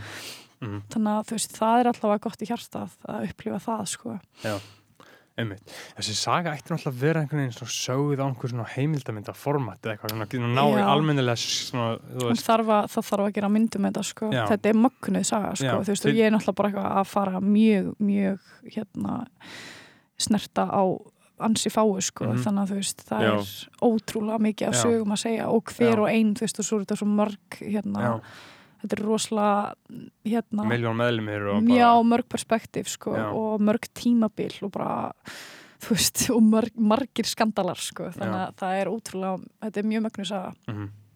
algjörlega Einmitt, það lítur einhver að gera það, einhvern tón Já. Þú skrifar æfisöguna Já, við erum sko, ég og Steinei og Jóhanna Rakel og Katrin Helga uh, byrjuðum að skrifa sko sjómarserjur Mhm. sem er svona beisar á sögur ekki okkur þetta þannig að það er kannski, Já. ef við klárum það einhvern tímann, Já. þá Já, getur það verið gaman. Já, já, segja þá geggja Eh, Hérna, Erum við ekki bara að vera sér dugleg hérna á þessum þriðdegi eða? Mér finnst við vera ansið dugleg sko. Já. Ég held það, ég held að við séum bara uh, og bara- bara gaman að fara í síman og sjá hvort það séu komin einhverjar, takmarkanir eða Oh hvernig sem það Já, fer. þetta er svolítið þannig dagur sko. Já, já, Já, þetta er svolítið hann dagur. En þetta var uh, episku þáttur. Mjög Salka, gaman að fá þig, Salka. Já, gaman að koma Takk kærlega fyrir komuna. Og smellið ykkur á Spotify og YouTube. Já, Mm. og Spotify núna og YouTube, Spotify já, hann er rétt eftir á. Það var komið í gæðs Já. eða fyrir dag Já, kom hann að, já, föstudaginn, Já. hérna, einmitt, svo er þetta myndband að fara að vera eitthvað, það, er- það, ég er svona bracing myself for scandal, sko. Já. Já, Það er eitthvað mjög spennandi. þetta er smá Já. scandalous Ok. vídeo, sko. Já, Já, já, það er um að gera að þess lögg- fólk lögg- hressa lögg- fólk sjá. aðeins við Já, einmitt, tjekkja á þessu. Fara á Patreon, takk. Bless.